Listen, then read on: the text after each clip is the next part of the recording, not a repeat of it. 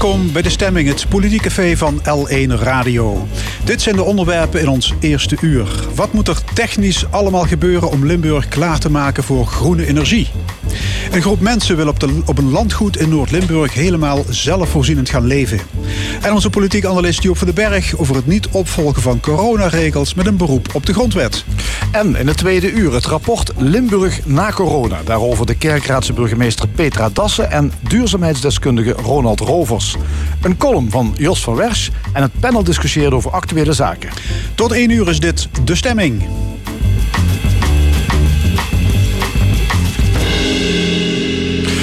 De opwarming van de aarde te stoppen, moeten we minder broeikasgassen uitstoten.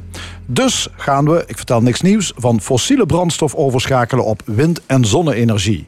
Maar die zogenaamde energietransitie gaat niet zonder slag of stoot. Zo moet in Limburg ook de infrastructuur op de schop. Nieuwe hoogspanningskabels zijn nodig en leidingen en pijpen. En we gaan erover praten met energiegedeputeerde Carla Brugman. Mevrouw Brugman, goedemorgen. Goedemorgen. De studie is gemaakt door het bureau uh, CE Delft. Ja. Samen met GasUnie, Tennet, Inexis, Gemmelot. Dat is wel heel veel bedrijfsleven. Uh, nou, dat valt wel mee. Het is natuurlijk wel belangrijk. Het is een hele belangrijke schakel. Gemmelot vraagt uh, veel energie, maar kan ook heel veel energie gaan leveren. Dus dat is een belangrijk. U heeft nog één partij vergeten. En dat zijn de twee regionale energiestrategieën. En dat maakt het deze studie ook uniek ja, in Nederland. die hadden enige inspraak, maar daar zit de gewone man natuurlijk ook niet in, hè? De gewone man niet, nee. nee. Nou ja, de gewone man wil gewoon alleen zijn stekker in het stopcontact kunnen steken en daar uh, het licht uh, krijgen. Nou ja, dat is maar de vraag. En als dat dus inderdaad uh, niet goed gaat, zoals de studie nu uitwijst, er zijn maatregelen nodig, dan, ja, dan is het niet vanzelfsprekend meer. Nee, maar je loopt wel kans op een gekleurd rapport. Ik bedoel, die jongens gaan ding, geen dingen opschrijven die tegen hun eigen belang ingaan. Nou, ik wil niet met u in discussie gaan over de kwaliteit van het rapport. Want het is echt een hele goede partij die dit gedaan heeft. Het fijne is ook dat Tenet en GasUnie en Inexus hebben meegewerkt hieraan. Dat is voor hun zelf ook echt ja, uh, baanbrekend geweest. Omdat ze ook een berekening hebben gedaan voor de komende 15 jaar. Ja, maar er wordt gepleit voor de aanleg van een hoogspanningskabel... Ja. Ja. van de Klauwcentrale in Maasbracht naar Gemmelot. Dan ja. denk ik, ja, dat verbaast me niks. Gemmelot heeft aan dat rapport meegewerkt. Ja, ja die heeft eraan meegewerkt, omdat wat ik al aangaf, het een grote leverancier kan zijn van warmte, maar ook een grote vrager. We gaan in de, in de komende jaren vijf keer zoveel energie vragen, elektriciteit vragen.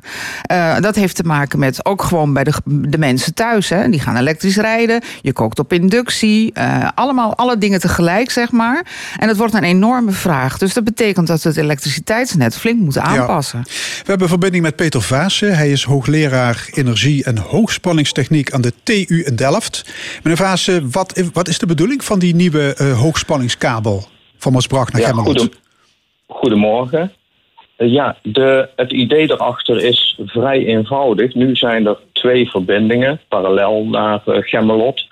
En het idee is natuurlijk, nou ja, mocht er eentje uitvallen, om wat voor oorzaak ook, of moet er gewerkt worden aan een van die verbindingen, dan moet al de stroom moet via, die ene, via die ene verbinding kunnen lopen. En aangezien het natuurlijk het elektriciteitsnet, wat Carla ook al zei, steeds zwaarder belast gaat worden, wordt dat in de toekomst een probleem. Ja, het gaat om een hoogspanningskabel van, van ja. 380 kV. Ja. Ik heb geen ja. idee of dat veel is. Dat is veel. Dat is hetzelfde wat je ziet op de hoogspanningsmasten die zeg maar van Maasbracht vertrekt. Ja. Dus dat is het hoogste spanningsniveau wat Tenet heeft. Uh, mevrouw Brugman, u zei daar straks, we gaan in de toekomst steeds meer energie verbruiken, meer elektriciteit. Uh, huishoudens, maar vooral ook de industrie, denk ik, hè? Ja, want die willen uh, van uh, fossiele brandstof af. Dus dan zal de elektriciteitsvraag gaan, gaan stijgen. Um, en dan hebben we het over de glastuinbouw in, in Noord-Limburg, Gemmelot, ja. grote energieslurpers. Ja, ja, de glastuinbouw heeft. Er zijn experimenten geweest met geothermie. Um, dat is nu stilgelegd, omdat er trillingen in Roermond zijn waargenomen in de grond. En dat maakt het ook allemaal wel lastig, hè? Van op welke plek moet je nou de goede leidingen aanleggen.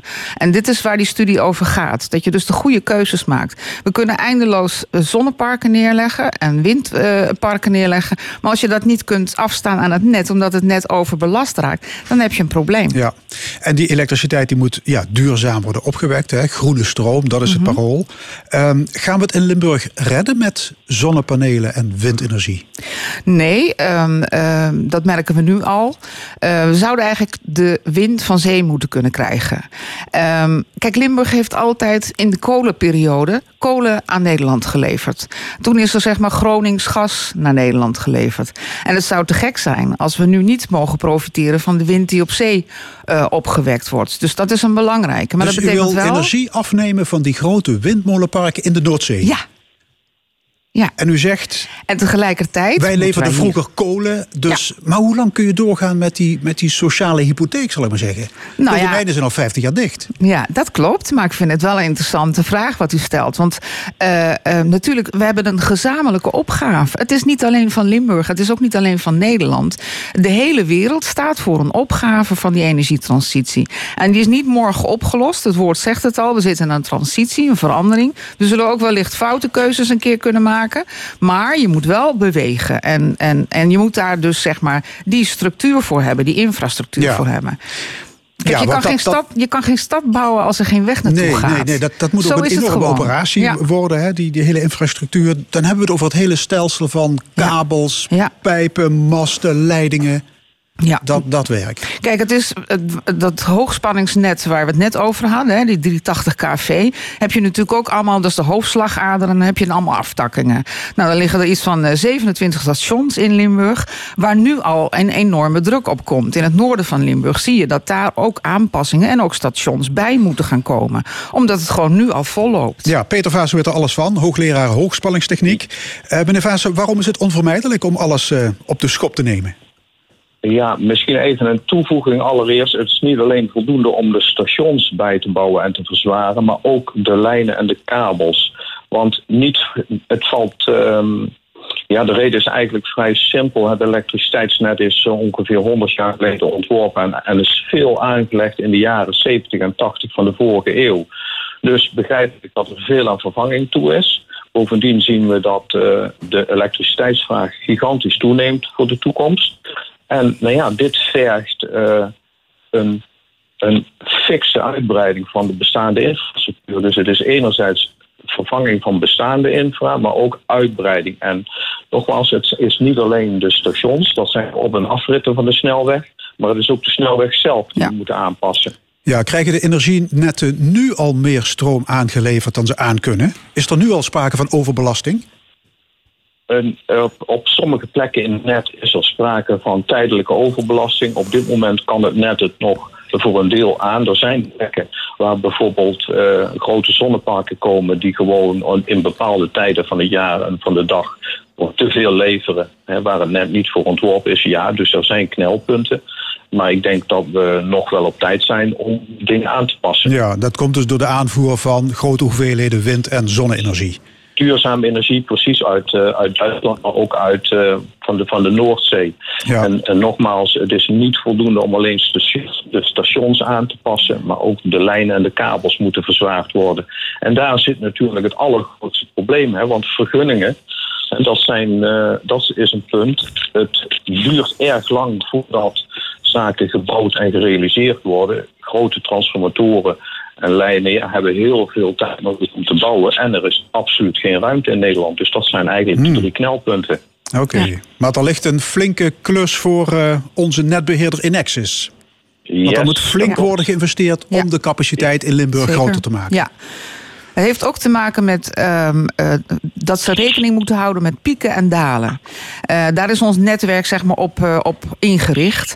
En op het moment dat er een, een, initiatief is, dan moet Enexis al dat in de boeken opschrijven. Dan ligt er nog geen park, geen zonnepark, maar moet wel noteren dat hij al daarmee rekening houdt. Ja. En um, wat net ook gezegd werd, natuurlijk ook die kabels die er naartoe gaan, hè, dus niet alleen de stations. Maar als je zo'n station ja, ruimtelijk wil inpassen, want die vragen ook nogal wat wat ruimte. En dan ben je zo vijf jaar verder. Ik wil nog even terugkomen op die uh. Die is uh, onlangs na zes jaar weer in gebruik gesteld. Dat is een gascentrale. Ja. Maar we moeten toch af van het aardgas? Ja, helemaal waar. Uh, alleen moeten we wel zeg maar, kunnen opvangen op het moment dat er geen zon en geen wind is. Dan kom je in de donkelflauwte terecht, heet dat. Dan moet je een reserve hebben. En daar is de Klauscentrale ook voor opgestart. Oké. Okay. Dus als achtervan, als het ware. Ja, maar het is natuurlijk heel duur. Hè? Eigenlijk zou er nog een centrale bij gebouwd moeten worden. Om zeg maar straks in de toekomst die achtervang te kunnen hebben. Ja. Maar als die alleen maar voor de pieken en de dalen is, ja, dat is natuurlijk eigenlijk ook geen goede Ja. oplossing. Ja, en eigenaar RWE wil die stroom leveren aan België. Ja. En daarvan zegt minister Wiebes, dat blokkeer ik. Dat gaat niet gebeuren. Die stroom houden we zelf. Dat is niet bepaald een Europese gedachte, hè? Nee. nee, maar dat is natuurlijk ook omdat hier in Limburg eh, hetzelfde probleem dan dreigt. Hè? Op het moment dat er geen zon en wind is. Dus dan moet je toch echt wel ook een stuk achtervang hebben. En wat België wilde, was dat er een directe leiding naar België ging. Ja, en er staat hier een centrale die eh, toch nog wat uitstoot Ja, te wij zitten met de CO2. Ja, precies. Oké, dus ja. u bent het met Wiebes eens? Ja, Ja. Daar komt wel een rechtszaak. ja. Hoe zal dat aflopen? Ik heb geen idee. Nee? weet ik niet. Nee. Ehm, u zei er straks, Limburg gaat het niet redden met alleen wind- en zonne-energie. Mhm, Waarom kunnen wij geen groene stroom importeren vanuit Duitsland?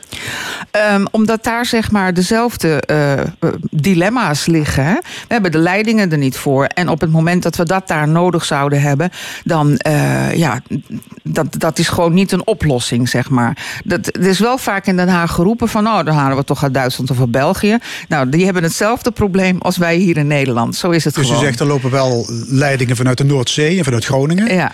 Maar hier vlak over de grens kan het, kan het technisch gewoon nou, niet. Nee, dat, dat is technisch nog niet mogelijk. Er zijn wel wat pilots. Nu Kerkrade wil Ja, dat dat- ook heel graag. Hè?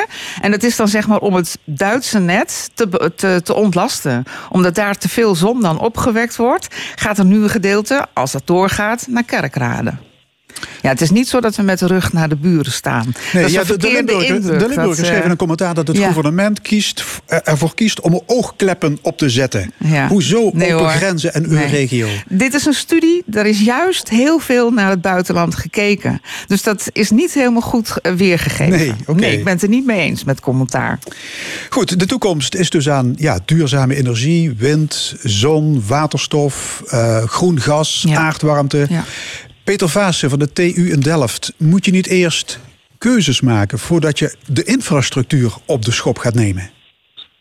Nou, daar ben ik het niet helemaal mee eens. Want ik denk dat de energietransitie in zulke grote opgave is dat we alle zeilen bij moeten zetten. En hoe je het ook wendt of keert, wij weten gewoon dat het stroomnet fix verzwaard moet worden. Vanwege de duurzame opwek ver weg, bijvoorbeeld op de Noordzee.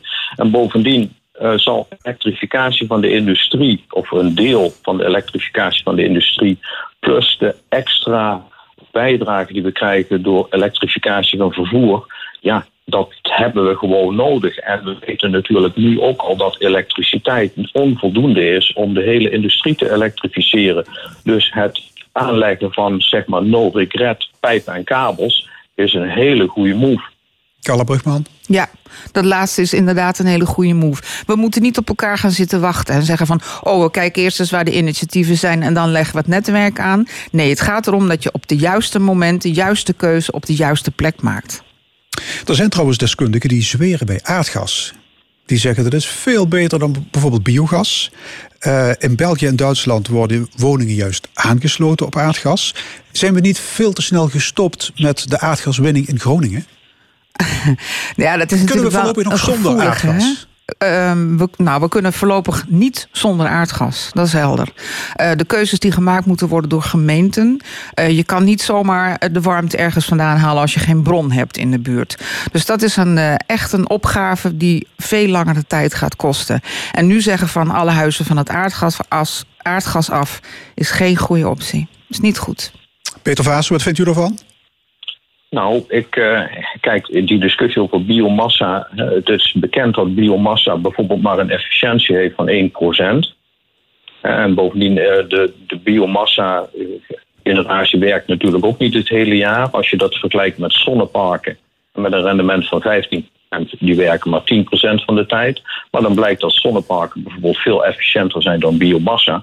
En ik ben het met Carla helemaal eens. Van wij kunnen niet acuut zeggen, de warmtevraag van de woningen, die vervangen we maar door biomassa of die vervangen we maar door, uh, door elektriciteit. Want dat is een factor uh, zeven of acht keer meer dan wat we nu al gebruiken aan elektriciteit. En dat is gewoon niet haalbaar. Ja, dus ook u zegt niet te snel stoppen met aardgas. Nee, nee ik, ik, pleit een, ik pleit voor een geleidelijke transitie. Ik denk dat er veel initiatieven zijn op dit moment om te kijken of we bijvoorbeeld ook elektriciteit wat we over hebben kunnen converteren naar waterstof en eventueel brandstoffen. Kijk, en dat helpt natuurlijk. Ja. Meneer Vaas, hoeveel winst is te behalen met besparing, met isolatie? als we nu eens alle huizen in Nederland goed zouden isoleren. Oh, daar is heel veel mee te besparen. Alleen er is één groot probleem. Het, het van al de huizen kost heel veel tijd. En bovendien zijn er ook heel veel huizen in Nederland die uit de jaren uh, 60 en 70 van de vorige eeuw zijn, die ook moeilijk uh, goed te isoleren zijn. Hmm. Dus ik ben bang dat dit een leuke opgave is voor alle nieuwe huizen. Maar natuurlijk, elke uh, joule of kilowatt die we niet hoeven te produceren is beter. Maar goed. Dus u zegt dat is eigenlijk een mission impossible. Uh, nou, isoleren van alle woningen. Het niet laten, we moeten het zeker doen. Maar ik denk dat we ons daar niet op blind moeten staren. Ja, helemaal eens. Uh, alles wat we kunnen doen, het moet echt een mix worden van alle opgaven die we hebben. Ja. Uh, dus het ja. is en besparen en kijken naar nieuwe energie. Nou ja, al die zaken moeten we gewoon samen doen. Ja. En het, kijk, het moet niet zo zijn dat, de, dat mensen thuis denken van het wordt me door de strot geduwd. En dat is een beetje uh, wat er toen gebeurde, dat we zeiden iedereen moet nu heel snel van het aardgas af. Het is een, een opgave, is een transitie waarin we samen met z'n allen in zitten. En we zullen allemaal stapjes moeten doen. Ja, ja opwekking, eh, transport, opslag van energie, dat kost handenvol geld. Ja. Wie gaat de rekening betalen? Uiteindelijk wij allemaal. Uh, daar komt het op neer. Um, ik heb minister Wiebes vorige week in een commissie horen zeggen dat uh, richting de resten, hè, de regionale energiestrategieën, dat zijn 30 ja, regio's ja, in Nederland. Twee in Limburg. Twee, twee in Limburg. Limburg. En daar is de opgave gedaan van kijk eens wat jullie kunnen opwekken aan energie. Nou, dat hebben ze nu netjes gedaan. En hij zei van de week in die commissie, ik heb er nog eens over nagedacht, maar ik had er eigenlijk ook bij moeten zeggen, en wat gaat het kosten? En wat betekent dat voor de infrastructuur? Dus dan zie je dat er dus uh, een opgave in de regio's is gegeven. En dat iedereen nu het besef krijgt: we hebben en een probleem met de infrastructuur, met die leidingen. En we hebben dadelijk ook een forse opgave als het gaat om wat gaat het kosten. Ja. Is, de bouw, sorry, is de bouw van moderne kernreactoren nog een optie? Nou, uh, de, in provinciale staten is er een motie aangenomen met de opdracht dat we gaan kijken naar locaties voor kernenergie. En we zijn van plan om eens met andere provincies te gaan kijken om, uh, om daar gezamenlijk een onderzoekje naar te doen. En wat vindt u zelf? Um, ik Als heb... voormalig GroenLinks-lid. Ja, ja, kernenergie is uh, CO2-neutraal, dus dat klinkt heel leuk. Maar we weten allemaal wat het kan betekenen en ook voor de veiligheid. Dus um, wellicht dat er in de toekomst een veel veiligere of een andere manier is. Maar als GroenLinkse, dat weet u natuurlijk ook, heb ik destijds gezegd van nou, daar ben ik absoluut niet voor. Ja, Peter Vaas, wat denkt u over kernenergie? Nou, ik zal, ik zal even niet over kernenergie praten, maar even iets wat, wat aan, aanpalend is. Het vergunningentrajecten voor kerncentrales, die, dat is ongeveer 10 tot 20 jaar. De bouw van een kerncentrale is ook ongeveer 10 jaar. Dus als we nu beginnen, hebben we met een beetje mazzel ergens in 2050 hebben we één of twee kerncentrales van 1000 megawatt. Oké, okay, dus voorlopig dus geen, geen, geen oplossing. Feit. Ja, als ik dat zie met wat er bijvoorbeeld gebeurt in de wereld op dit moment met uh, duurzame energiezon. We hebben op dit moment elke drie jaar een verdubbeling van de capaciteit van de geïnstalleerd zonnevermogen per aardbewoner. En rond 2030, 2035, dat heeft de Wereldgezondheidsorganisatie ook al becijferd, ongeveer een kilowatt per aardbewoner hebben. En zoiets vergelijkbaars is er met wind aan de gang. Natuurlijk weet je nooit of COVID roet in het eten gooit. Maar op dat moment hebben we al zoveel. En we moeten ook niet vergeten dat landen als het Midden-Oosten, India en China massaal inzetten op hele grote zonneparken van meer dan 1000 megawatt per stuk. En die, wordt, en die elektriciteit die wordt geconverteerd naar waterstof en wordt getransporteerd naar Europa. Dat soort plannen zijn niet meer tekentafelplannen. Ja. Ze worden gewoon gebouwd. Goed. Laatste reactie, Kalle Brugman. Ja, daar sluit ik me helemaal bij aan. Het duurt heel lang voordat kernenergie uh, misschien een oplossing kan zijn. En we moeten nu aan de gang en niet wachten tot 2050 om dan met oplossingen te komen. Oké, okay. Carla Brugman, gedeputeerde van Energie en Peter Vaassen, hoogleraar hoogspanningstechniek. Hartelijk dank. Graag gedaan. Ja. De Amerikaanse zangeres Candy Staten belandde via de R&B en disco in de jaren 80 in de gospelmuziek. En de invloed van haar jeugdvriendin Aretha Franklin is in veel nummers te horen. Dit is Cry to Me, Candy Station, Staten.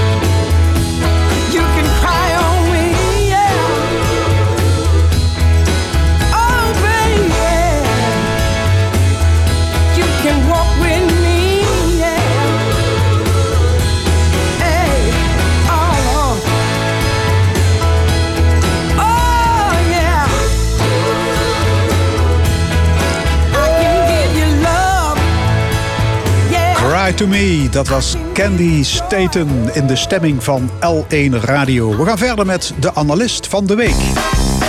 De analist. Vandaag politiek analist Joop van den Berg. Goedemorgen Joop. Goedemorgen Frank. Uh, Mark Rutte, onze minister-president, die is uh, bijna tien jaar zit hij op zijn plek hè, ja. in het torentje. Dat is een uh, tinnen jubileum.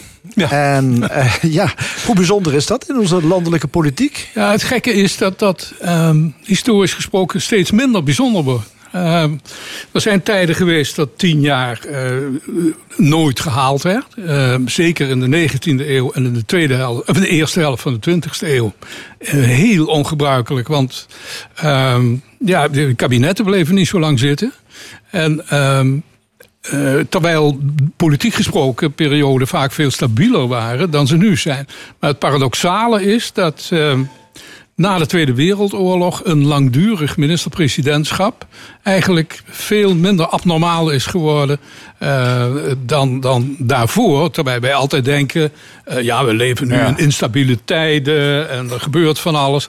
Alleen die minister-president blijft rustig zitten. Ja, ik denk altijd 19e eeuw, dat waren van die keurige Precies. heren die Ja. daar eh, Ja. een sigaar rookten. En, maar dat is, dat maar elkaar wel voortdurend wegjoegen. Ja, Eh, ja, ja. En ehm, dat, dus daardoor eh, is er eh, Ja. eigenlijk, eigenlijk pas na de Tweede Wereldoorlog zijn er eh, kabinetten. Je ziet het met Drees, dat is Ja. de eerste die tien jaar eh, minister-president blijft. En als je premiers meerekent die zo'n acht jaar blijven, nou, dan komen er ineens nog een stelletje bij ook. Hè? Ja, wat, wat denk je? Ruud Lubbers, denk ik dan? Lubbers heeft ja, bijna twaalf jaar. Ehm, eh, Wim Kok heeft acht jaar Ja. gediend, iets meer. Ja. Ehm, en eh, wie was er nog? Eh, Balkenende, ondanks alle wisselingen. Balken 1, 2, 3, 4. Maar hij bleef wel minister-president. Ja, geeft dat aan dat we in Nederland eigenlijk toch een heel politiek sta- stabiel landschap hebben? Ja, eigenlijk wel. Alleen we hebben natuurlijk te maken met een heel gefragmenteerd eh, eh, en versplinterd beeld van de politiek. Dus het Ja. eist wel erg veel van een kabinet, maar speciaal ook van een minister-president. Om de boel eh, de- niettemin bij elkaar te houden. Daar slaagt eh, Rutte eh, onmiskenbaar heel, heel goed in. Ehm, en ehm, ja, dat.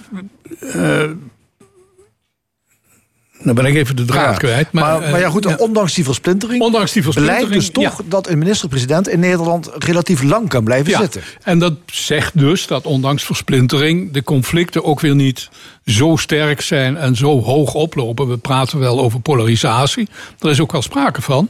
Maar er is natuurlijk toch, en dat wordt vaak onderschat, een enorme ruimte in het midden van de politiek. Dus overigens ook nog links en rechts. eh, die zo groot is eh, dat je, eh, ja, niet zonder moeite.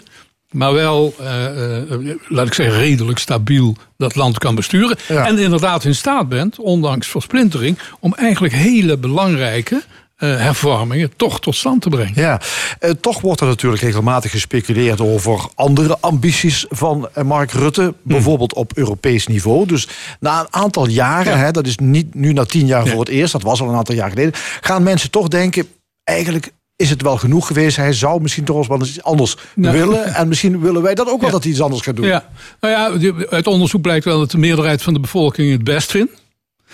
Zelfs ook eh, aanhangers van partijen die redelijk ver van de VVD afstaan. Je kunt eigenlijk alleen maar zeggen dat stemmen op, stemmers op populistische partijen eh, denken: nou, eh, dit is wel mooi geweest. En ook redelijk wantrouwig staan ten opzichte van de premier, maar eigenlijk ook van de politiek als bedrijf. Maar voor het overige eh, eh, vindt iedereen het wel best. Alleen ja, je mag het niet zeggen, maar het is in de Kamer, rond de Kamer, bij media die elkaar bezighouden. En die zich afvragen, ja, ja, hoe lang moet dat nog wel duren? En in zekere zin is daar ook wel reden voor, omdat in Nederland politieke carrières in één ambt nooit vreselijk lang duren. Zeker niet als je ze vergelijkt met het buitenland. Ik bedoel, Kamerleden zijn na maximaal 12 jaar zo ongeveer eh, weg. Ja, veel partijen verwachten ook Zijn dat je dan beetje- maar eens wat anders gaat doen. Ja, zijn nog een beetje uitgewoond na 12 jaar. En partijen zijn nog veel haastiger. Die vinden na vier jaar vinden ze al genoeg. Ehm, dus, Zijn, zijn we daar in Nederland anders in dan onze buurlanden? ja, ja, we zijn wel anders. Ja, iets minder anders dan de Belgen. Eh, die hebben ook een vrij sterk wisselend eh, eh, patroon. Maar als je kijkt naar Duitse bondsdagleden, kunnen uh, daar echt 30, 40 jaar halen. In het Verenigd Koninkrijk, als je in een district zit waar weinig concurrentie is, hè, als conservatief of Labour, dan zit je daar ook decennia lang. En um, ja, in Amerika, het wordt de laatste tien jaar wel iets minder. Maar is er een hele tijd geweest dat je dacht, iemand moet ongeveer 80 worden. Wil die als senator ook nog voorzitter van een commissie kunnen worden. Hè? Um, dus daar, en je ziet het aan presidentschap in de Verenigde Staten, dat daar de vrees voor iemand die tegen de 70 loopt lang niet zo groot is uh, als hier. Ja, maar misschien is het ambt aan zich ook wel zo slopend dat je na bijvoorbeeld een tien jaar ook wel moet stoppen. Ja, nee, dat is ook wel zo. Het, het, het ambt sloopt je. Dat geldt ook voor Kamerleden, misschien voor Kamerleden ja. nog wel meer. Ja, ik zit ook te denken aan de minister-president, om daar ja. toch op terug te komen, zoals ja, Rutte. Zeker. Het, gaat, het lijkt hem allemaal makkelijk af te gaan, maar ja, toch. Ja, nee, maar het is natuurlijk helemaal niet makkelijk. En uh, ik bedoel, voor Kamerleden is het al heel beeld. Kijk, ministers hebben natuurlijk toch altijd nog het voordeel dat ze een staf van mensen hebben die, die ze als het ware qua tijdsbesteding in het gareel houden. Uh, en ook af en toe uh, meegedeeld krijgen van ga jij nou maar even naar huis, want dat heb je nou nu nodig. Bij Kamerleden is dat helemaal niet zo. Uh, maar niettemin, uh, ook voor ministers is het, is het veel zwaarder geworden dan het ooit was. Dat is ontegenzeggelijk zo. En dat maakt ook wel uh, dat carrières wat korter worden. Maar dan blijft Nederland toch een beetje de uitzondering. Overigens, dat is altijd zo geweest, ook in de 19e eeuw al. Uh, dat uh, wij hier vrij snel zeggen het moest maar eens afgelopen zijn. En bovendien dat politici ook niet vreselijk oud worden in hun ambt. 70, dan heb je het wel gehad. Ja, kijk eens naar Amerika, dat is heel anders. Ja, dan kan het uh, tot in de 80 lopen. Ja. Goed, Joop, ander thema, de corona-heisa. Ja. Uh, er is toenemend verzet tegen de maatregelen om het virus in te dammen. En wat je ziet is dat er vaak een beroep wordt gedaan op de grondwet. Ja. Valt jou dat ook op? Dat valt mij wel op, ja. En ik vind het ook daarom opvallend, omdat het meestal ten onrechte is. Uh, er is een hele neiging, vooral onder juristen, die, ja, die kijken ook naar een werkgelegenheid, zullen we maar zeggen, uh, om uh, verzet of uh, ja, ongehoorzaamheid uit te leggen als een te gerechtvaardigd beroep op een grondrecht. de rechterlijke macht geeft er af en toe zelf ook wel aanleiding toe. En het laat zien hoezeer eigenlijk uh, ook, ook in politiek opzicht in de maatschappij die individualisering is voortgeschreden. Uh, wat betekent dat mensen eigenlijk hun eigen opvatting als de maatstaf zien voor wat juist en niet juist is? En grondrechten uh, leveren daar op zichzelf wel een voedingsbodem voor. De vrijheid van meningsuiting, de vrijheid van vereniging en vergadering, het recht op privacy uh, en uh, de bescherming van de persoonlijke levenssfeer. Ja, dat zijn allemaal, als je ze maar ruim genoeg interpreteert. Uh, maar veel ruimer dan ze ooit bedoeld waren toen ze werden uh, beschreven. Uh, leveren dus materiaal om tegen de overheid te zeggen: ja, nee, maar ik denk er anders over. En ik beroep mij op een of ander. dus samengevat, mensen zijn te beroerd om die regels op te volgen. en roepen dan heel chic: ik word in mijn elementaire rechten geschaad. Ja, nou, ik, dit vind ik een hele grove. maar mensen, ja dat is natuurlijk ook een effect van de coronacrisis. Dat mensen voor het eerst in tijden meemaken dat de overheid ze allerlei beperkingen ja, oplegt. Maar dat kan dus ook. De ja, mensen mensen kan worden ook. misschien ook beknot in ja, hun grondrechten. Zeker. En soms moet je ze zelfs in hun grondrechten beperken. Alleen, ja, hoe ver gaat dat? Uh, daar heb je inderdaad een rechter voor nodig. Ik moet overigens zeggen dat de rechter tot nu toe in twee gevallen uitspraken gedaan heeft. En iedere keer het beroep op grondrechten van de tafel geveegd heeft. En dat is niet helemaal oh. uh, toevallig. Uh, dus, dus rechters zijn daar ook weer niet helemaal goed nee, nee, nee, voor. Die, die, die, die, rechters zijn in dat opzicht, ja, ze maken ook fouten, net als wij allemaal. Uh, maar zijn in het algemeen redelijk cool uh, van hoofd. Uh, en dat is maar goed ook. Want uh, aan de ene kant snap ik wel dat mensen die dat niet gewend zijn, uh, daar toch in verweer komen. En als ze dan door advocaten geholpen worden met het idee van er wordt in grondrecht geschaad, ja, dan moet iedereen zo ongeveer in de houding vliegen. Ja. terwijl je, als je er goed naar kijkt, zegt: Ja, kom zeg, eh, eh, het is eigenlijk jouw individuele belang of opvatting die uh, ten koste van alles moet winnen. Maar Peter Das komt naar binnen, burgemeester van Kerkrade. Is er spanning tussen burgemeesters aan de ene kant en hoogleraren staatsrecht aan de andere kant? Ja, zeker tussen burgemeesters en uh, staatsrechtbeoefenaren. Maar dat, als je mij vraagt, ligt dat iets minder aan burgemeesters dan aan uh, uh, die staatsrechtbeoefenaren. Trouwens, hier blijft het, zeker in Limburg, blijft het aardig rustig. Ook bij de staatsrechtbeoefenaren in, hier in Maastricht. Maar in het Westen heb ik een paar keer gemerkt dat bijvoorbeeld Ahmed Abu Talib op een gegeven moment denkt: ja, zeg, ik moet hier de gezondheid van mijn bevolking bewaken. Want dat is ook een, een grondplicht ja. uh, die in de grondwet staat. En ja, daarbij kan ik, ja, vind ik het best als mensen in bezwaar komen. Maar ze moeten natuurlijk het gewoon wel doen. want anders kan ik de gezondheid van mijn, van mijn burgers ja. niet meer waarborgen. Ja, en dat is mijn zorgplicht. En als de rechter zegt. luister eens, burgemeester, maar zo kan het niet. Dan hoor ik het wel en dan zal ik zijn uitspraak volgen. Uh, maar niet zolang het uh, tot gekakel uh, beperkt blijft van juristen aan een universiteit. Ja.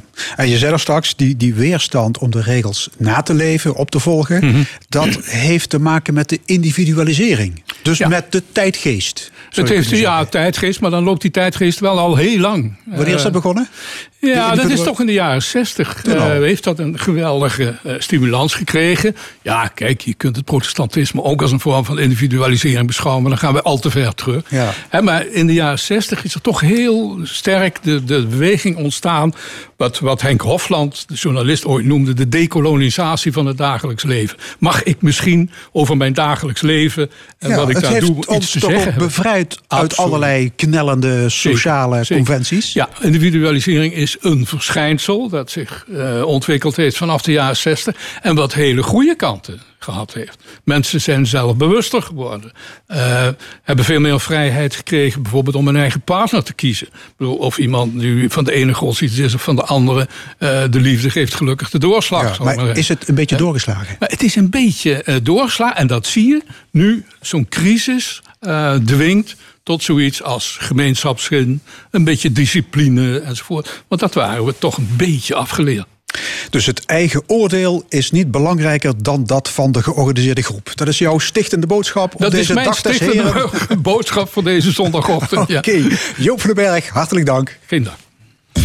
U luistert naar de stemming. Zometeen schuift filmmaker Wiek Lenzen aan. Uh, we gaan het hebben over een ecologisch landgoed. Over leven in en met de natuur. Maar eerst Bill Withers. Lovely Day.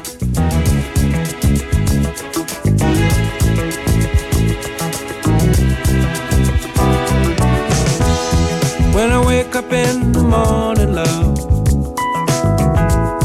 and the sunlight hurts my eyes, and something without warning, love, bears heavy on my mind. Then I look at you, and the world's alright with me. Just one look at you, and I know it's gonna be a lovely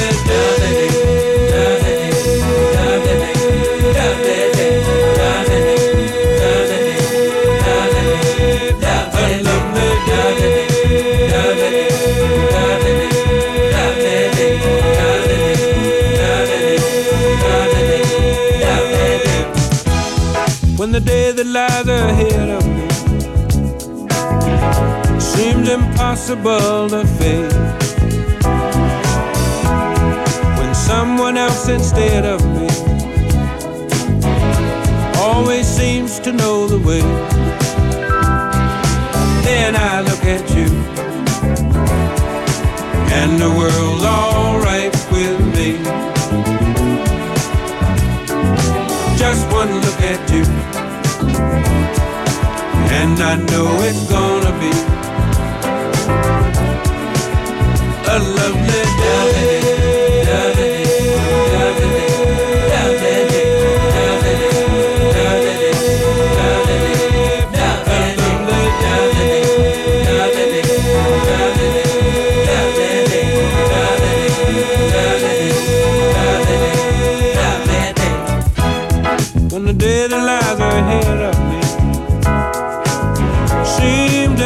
inevitable of fate. And when someone else instead of me always seems to know the way, then I look at you, and the world's alright with me. I just one look at you, and I know it's gonna be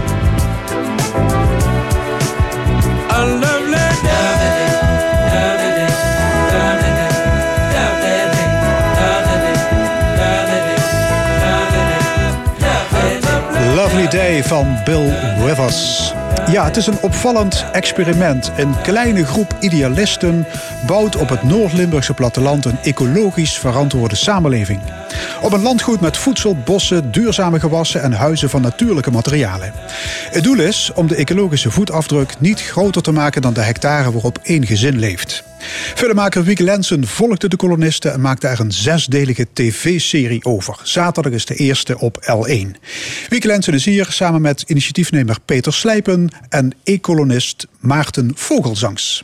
Ja, Wiek, je hebt eh, de groep geloof ik vier jaar gevolgd. Ja, klopt. dus dat is een eh, behoorlijk project. Je hebt eh, die landgoederen dus ook zien groeien en bloeien in die tijd. Ja, dat klopt. Van eh, eh, lege akkers, of zeg maar akkers waar voormalig eh, mais en eh, lelies op weer werden gecultiveerd, eh, is het eh, langzaam aan het ver- veranderen in eh, eetbare natuur. Ja, het was gewoon van die dorre landbouwgrond, zou maar zeggen. Van die, Ja, ja, we noemen dat groen, maar Ja. het is eigenlijk eh, eh, monocultuur. En, en, en nu is het eh, een heel eh, biodiverse eh, regio geworden. Ja, en eh, Maarten Vogelzangs, een van de bewoners. Eh, woont u al, inderdaad al echt op een van de landgoederen? Nee, ik woon er nog niet. Ik ben een van de eerste die het huis gaat bouwen dadelijk. Ja. Het ecologische huis. En ik ben dus bezig met eh, het voedselbos aanplanten. En Ja. U bent wel al werkzaam op het terrein, voedselbos aanplanten. Wat doen jullie nog meer? ja, bezig om de vergunning te regelen. Dat, is Oh, ja. dat is op dit moment. En de, en de bouwtekeningen maken voor het huis. En de- ja. Eh, Wat moet dat voor een huis worden? Eh, in Kasterij, waar eh, het landgoed waar ik ga wonen, daar komen koepelwoningen te Ja, staan. er zijn drie landgoederen, hè? Er zijn drie Ja. landgoederen inderdaad. Ehm, er komen koepelwoningen te staan, gebouwd uit een hout skeletframe met kalkhennep als eh, wand en dak en vloerbekleding, wat tevens isolatie is.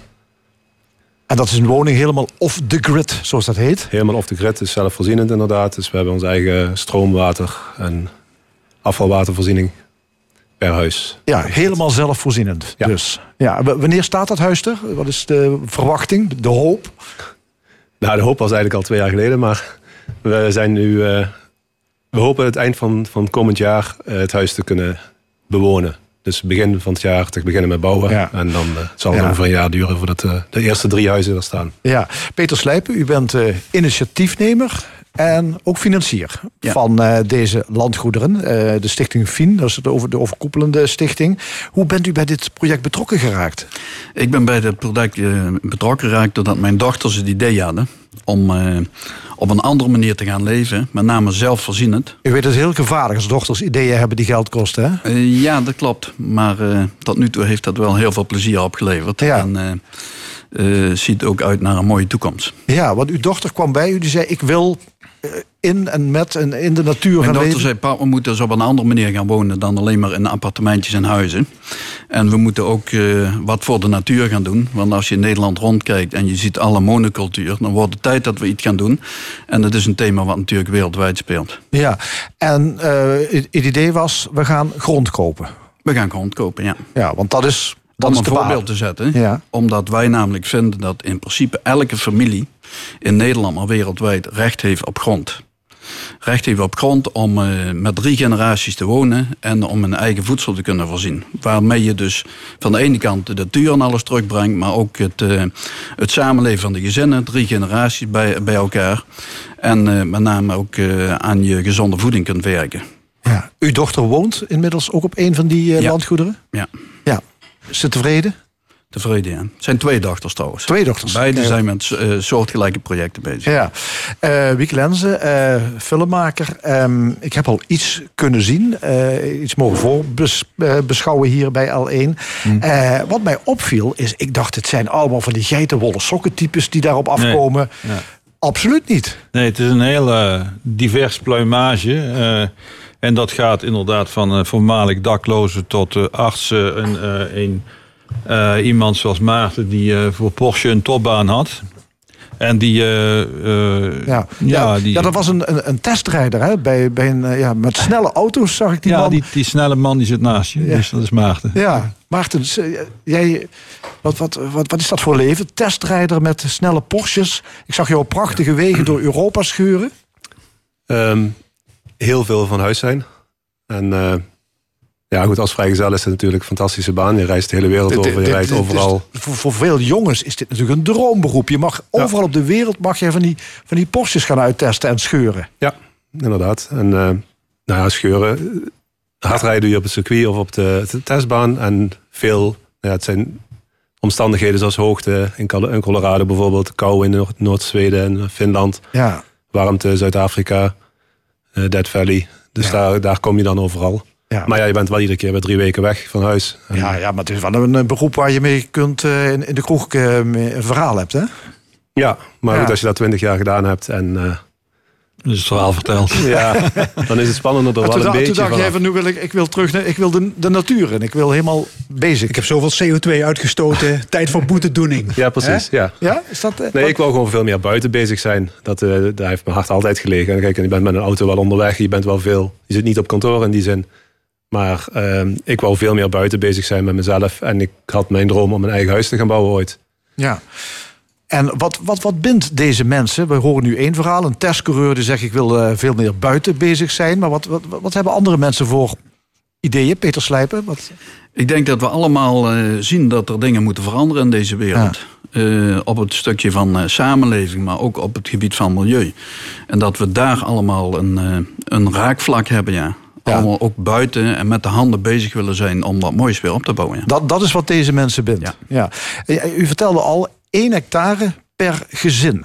Dat is Per eigenlijk familie. per familie. Opa en oma, pa Ja. en ma en de kinderen bij elkaar. Dus Ja. ook de generaties weer bij elkaar. En wat, moet je op die, wat kun je op die één hectare? Eh, wat je op die, eh, op die 1 hectare kunt doen is eh, ongeveer 90% eh, nieuwe natuurzeker voedselbos opbouwen. En 10% voor een eh, off-grid woning, zo noemen we dat. Een eh, zelfvoorziende woning, een, eh, een moestuin. En nog alle andere zaken die je erbij wil hebben. Of je er nog een diertje bij wil hebben. Of een speelweide voor je kinderen of dat soort dingen. Maar dat gebeurt dan ergens binnen die duizend vierkante meter. Ja, maar dat is genoeg om van te kunnen leven. Ja. ja. Ehm Wieke Lenze, is het een aanklacht tegen de maatschappij? He- Heb je dat ontdekt bij deze mensen? Nee, het is niet zozeer een aanklacht. Het, eh, is eh, vooral een experiment om, om iets nieuws eh, te neer te zetten. En in de serie komt wel duidelijk naar voren dat wij als maatschappij eigenlijk heel weinig ruimte voor dit soort experimenten bieden. En dat heeft met name met de bestuurs- en de regelgeving te maken. Dat dat nog een beetje vooral achteruitgericht is. Hè.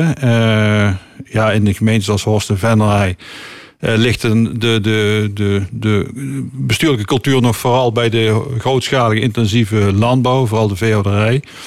En ehm, maakt, ja, dit soort initiatieven worden vrij met heel veel stroperigheid omgeven. Want deze de, zeggen, bestuurders in Noord-Limburg en Horst en Venray... die kunnen dit niet plaatsen, zo'n initiatief. Ehm, nou ja, om maar een voorbeeld te geven, ook op andere plekken in Nederland. Bijvoorbeeld, eh, op het moment dat je daar heel experimenteel gaat bouwen, maar wel heel duurzaam. eh, bijvoorbeeld door een aardewoning te maken, waardoor bijvoorbeeld eh, met een lage zonnestand in de winter de zon heel mooi binnenschijnt door de ramen. En gebufferd wordt door de, de, de aardeberg die achter de woning omsluit. Dan zegt bijvoorbeeld een ambtenaar: ja, maar wacht even, dat staat niet in het bouwbesluit, want wij bouwen in Nederland rechte muren. Ver- eh, en en daar, dat gaat dan met zo'n schroopigheid te baas, dat eigenlijk de cultuur vaak niet ingericht op de ideeën van, van de mensen zelf. De creativiteit wordt een beetje gesmoord daardoor. Ja, ik hoorde Peter Slijpen, u moet daar tegenaan lopen als initiatiefnemer. Dus tegen ambtenaren die het niet begrijpen. Ja, dat betekent je verhaal maar continu blijven vertellen. Eh, want ik moet heel duidelijk zeggen dat de wil er zeker wel is. Maar het is natuurlijk compleet anders dan datgene wat wij ons in de laatste honderden jaren bedacht hebben. Ja. Wieke Lenze? Nou, je hoorde het net ook in die discussie over energie en dat er zoveel energie vanuit bepaalde punten. Maar er is, je hoort nooit, nooit, nooit dit soort dingen. Dat ook burgers zelf op hun plek eh, zelfvoorzienend in energie kunnen worden. Dat scheelt enorm veel in de transporten. Als je daar meer op in zou steken, dan zou je misschien dat probleem helemaal niet meer hebben. Nee, dan hoef je geen uh, hoog spanningsmast te voeden. Maar het valt me op dat dat geluid dus niet, niet viel. Nee. In deze... hoe, hoe kijken de, de buren eigenlijk tegen jullie aan? Um, sommigen zijn heel enthousiast en andere, bijvoorbeeld veetelers die in de buurt zitten, die zien het. Oh, er komen heel veel mensen bij ons in de buurt wonen. Die zien daar de spanning van, de mogelijke protesten die er zouden kunnen komen. Ja, ik Begrijp, begrijpelijk natuurlijk, ja. want die hebben bepaalde ideeën achter hun bedrijf. En ja, die zien dat dan als misschien als bedreiging of als moeilijkheid ja. die er in de toekomst zou ja, kunnen zijn. Ik, ik, hoorde ook een man uh, in een van de afleveringen zeggen, die zit geloof ik zelfs in, in, in de promo van, van het geheel, die zegt van, nou van, van, van, van, van boeren hebben deze mensen absoluut geen verstand. Die snappen er helemaal niks van. Ja, dat, dat is wat je bedoel. Dat is natuurlijk, mensen zien uh, een, een voedselbos ontstaan. Maar daar ontstaat eerst een hele hoop uh, onkruid, noemen ze dat, in hun ogen. En uh, dat is eigenlijk een bodem die met rust gelaten wordt. komt in het begin van alles tevoorschijn, vooral brandnetels. En in een later stadium krijg je daar een soort ecologisch evenwicht in. En dan gaan die brandnetels weer weg. Maar voor een traditionele, of zeg maar traditionele boer, een boer die in het Sikko Mansveld model uh, is, is, is grootgebracht. Die zegt ja, maar dat, dat moet uh, uh, bestreden worden, want dat waait over naar onze percelen en die bestaan voor alleen maar uit monocultuur. Dat is alleen maar mais wat daar mag groeien. Ja. En, en, en die spanning zie je echt wel. Dat ja. is echt ook een, een, factor. Ja. Hoe zit het met de spanningen onder elkaar? Want ik kan me voorstellen, als je al vier jaar bezig bent om, om dit op te bouwen. Hè, het, het klinkt allemaal geweldig, maar dat zal ook niet allemaal um, altijd even, ja, zal maar zeggen, liefdevol naast elkaar kunnen blijven bestaan. Er moeten ook spanningen zijn, er moeten ook conflicten zijn op zo'n landgoed. Ja, gelukkig valt het nog mee. Maar het is natuurlijk wel, ja, je begint aan zo'n project en je denkt, nou ja, over twee jaar kunnen we dat en dat bereiken. Ja. En nu zijn we ja, al langer dan vier jaar bezig zelfs. Dus ja, het duurt veel langer als dat je denkt. Je ja, maar ik denk, ik, denk, ik denk, dat, kan toch, dat leidt toch tot irritaties? Nou ja, als je open en eerlijk tegenover elkaar bent en je, je zegt alle irritatie leg je meteen op tafel, dan, wordt, dan escaleert het niet.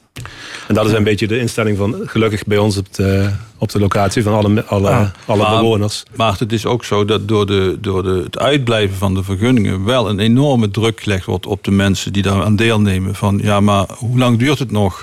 Want ik ben bijvoorbeeld al 60 jaar oud. Ik kan niet meer nog jarenlang wachten op een uh, vergunning. En, en wat er nu aan de hand is, met wat je ook in de serie ziet. Uh, op een gegeven moment dan komt een besluit om van de acht mensen drie te vergunnen.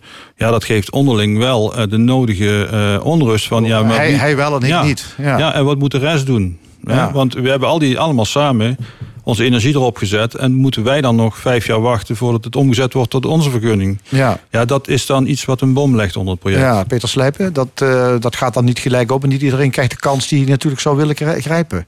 Nee, dat is, dat is het jammer, ja. Want het liefste zouden we natuurlijk iedereen de kans willen geven. En ja. zelfs nog meer als dat, uh, dat eigenlijk uh, er nu aan grond aanwezig is. Want we willen dit graag uitbreiden. Zou iedereen in Nederland op deze manier kunnen leven, zouden wij dan ja. genoeg grond hebben? Ja, dan hebben wij genoeg grond, ja. Dat zou kunnen. Waarbij dus wel iedereen de mogelijkheid heeft om die plek te gaan kiezen waar hij zich het beste thuis voelt. Of het dicht bij de stad of in de stad is of, of buiten. Maar die mogelijkheid bestaat er ja. Dus uh, wereldwijd zelfs naar gekeken naar deze, deze constructie. Want één ding wat ik wel ook graag eigenlijk zou willen zeggen, dat is van kijk naar de grond. Hoe zit het met de grond? Als je een bedelaar tegenkomt in India en die zit daar ergens uh, langs de weg te vragen, je geeft hij vandaag 1 dollar, dan zit hij er morgen weer. Geef je hem morgen 10 dollar, dan zit hij er ook weer. Maar geef je een stuk grond waar hij op zijn eigen, eigen voedsel kan verbouwen en een huisje kan bouwen, zie je hem nooit meer terug.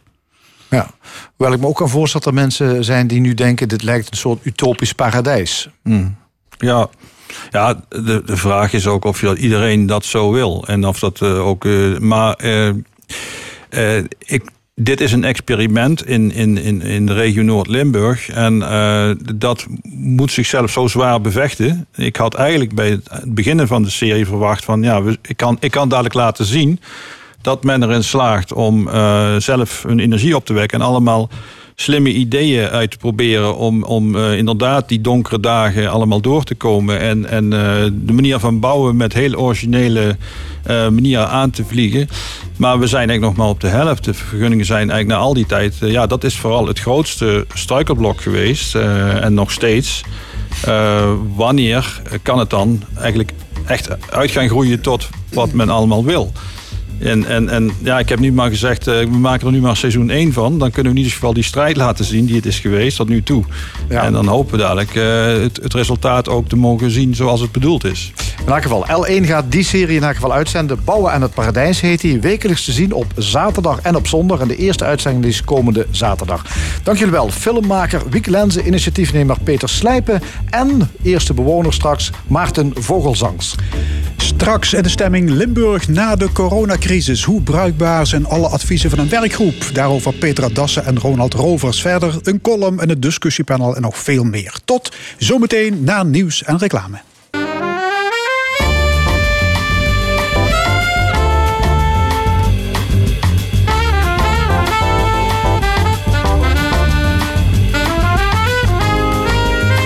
Stemming met Frank Ruber en Fons Geraerts.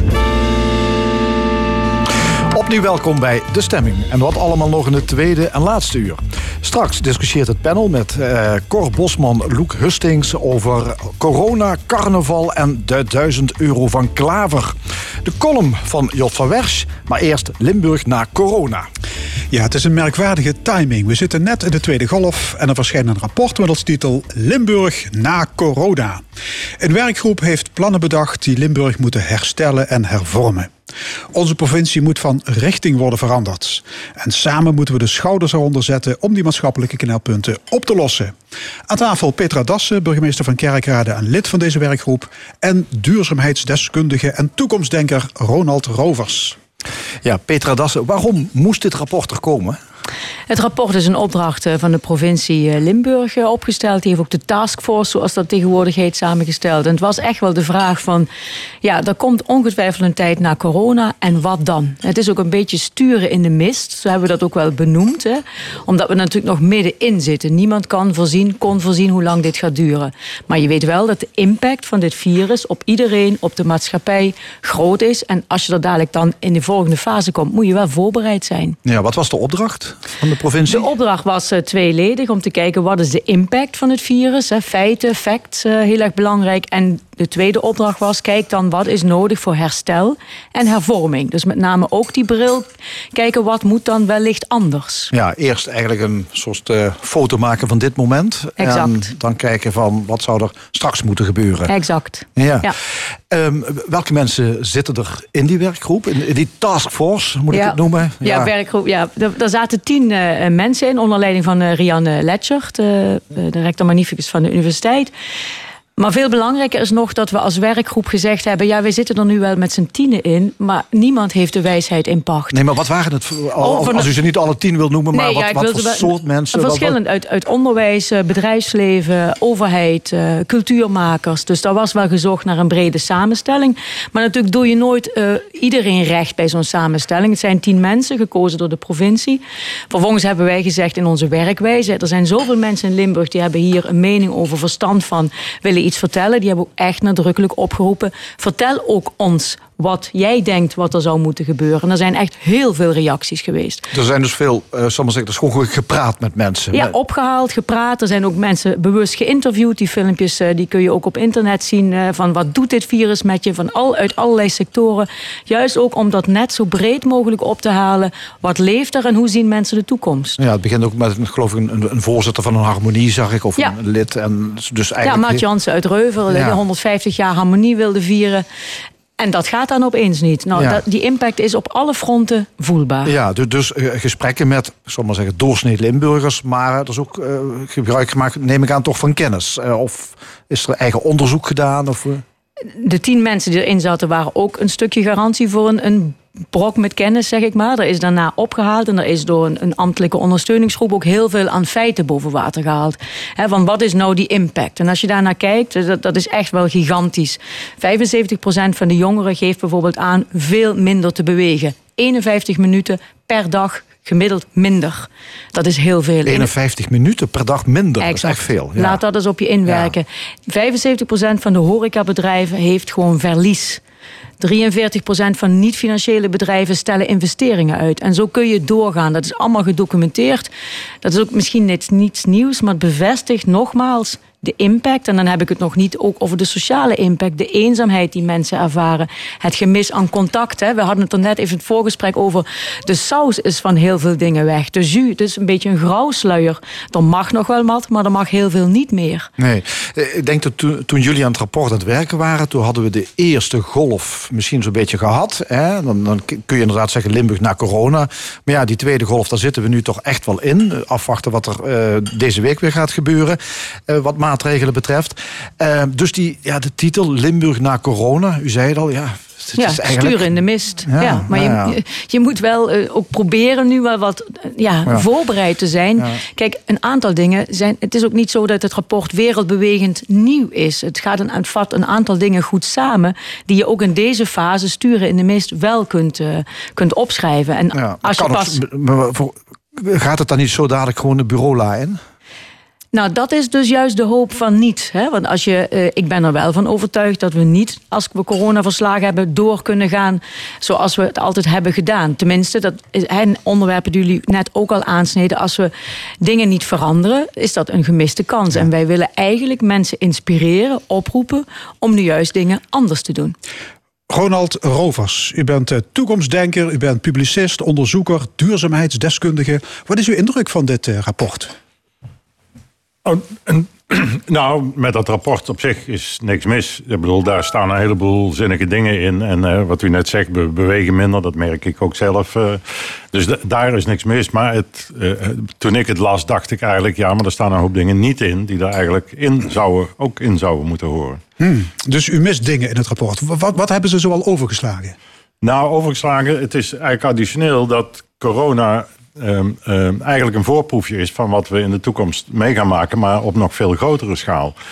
En dan moet je je dus anders gaan voorbereiden op die toekomst dan alleen proberen de corona-effecten te nivelleren of te, te- op te heffen. Dus u vindt het een gemiste kans dat die commissie niet heeft gekeken naar de oorzaken van die coronacrisis? Precies, want de oorzaak van die coronacrisis zijn dezelfde als die van de klimaatcrisis die op ons afkomt Ja. en die nog tien keer zo groot gaat zijn. En u zegt, dit is nog maar het begin. ja, dit is- COVID-19, d- Ja, ik dit heb is het de voorbode van veel meer onheil. Ja, ik heb het wel eens genoemd. Het is een van de tien plagen die op ons af gaan komen. Waarvan dit nog een van de minste is. Mevrouw Dassen. Ik ben het daar niet geheel mee eens. Eh, Ik denk, het belangrijkste, we hebben het nog niet gehad, hè, wat is dan de aanbeveling? Hè? De belangrijkste Ja, ja. aanbeveling is eigenlijk van, zorg nou dat er een alliantie komt in de samenleving die sectoren overstijgend werkt. Ja, Om is die voorbeeld- Limburgse Alliantie Brede Welvaart. Dat is Ja. de werktitel. En in die brede welvaart, daar zit nou juist het antwoord op heel veel plagen die nog op ons afkomen. Omdat we tot nu toe altijd dingen toch vanuit een bepaalde blikwinkel, vanuit een bepaalde sector bekeken. Als je vernieuwing wil in het onderwijs, werken we binnen het onderwijs samen. Ja, maar die alliantie betekent je- gewoon weer een nieuwe werkgroep. Of nee, nee dat is te kort door de bocht. De, de, alliantie, de alliantie is eigenlijk een beweging die je op gang moet brengen in Limburg en daarbuiten. Dat je zegt, als je ehm, anders wil werken, moet je ook op een andere manier mensen bij elkaar brengen. Dus als je het onderwijs wil vernieuwen, even om het plat te maken en een voorbeeld te noemen, dan moet je ook samenwerken met het bedrijfsleven, want daar is de vraag.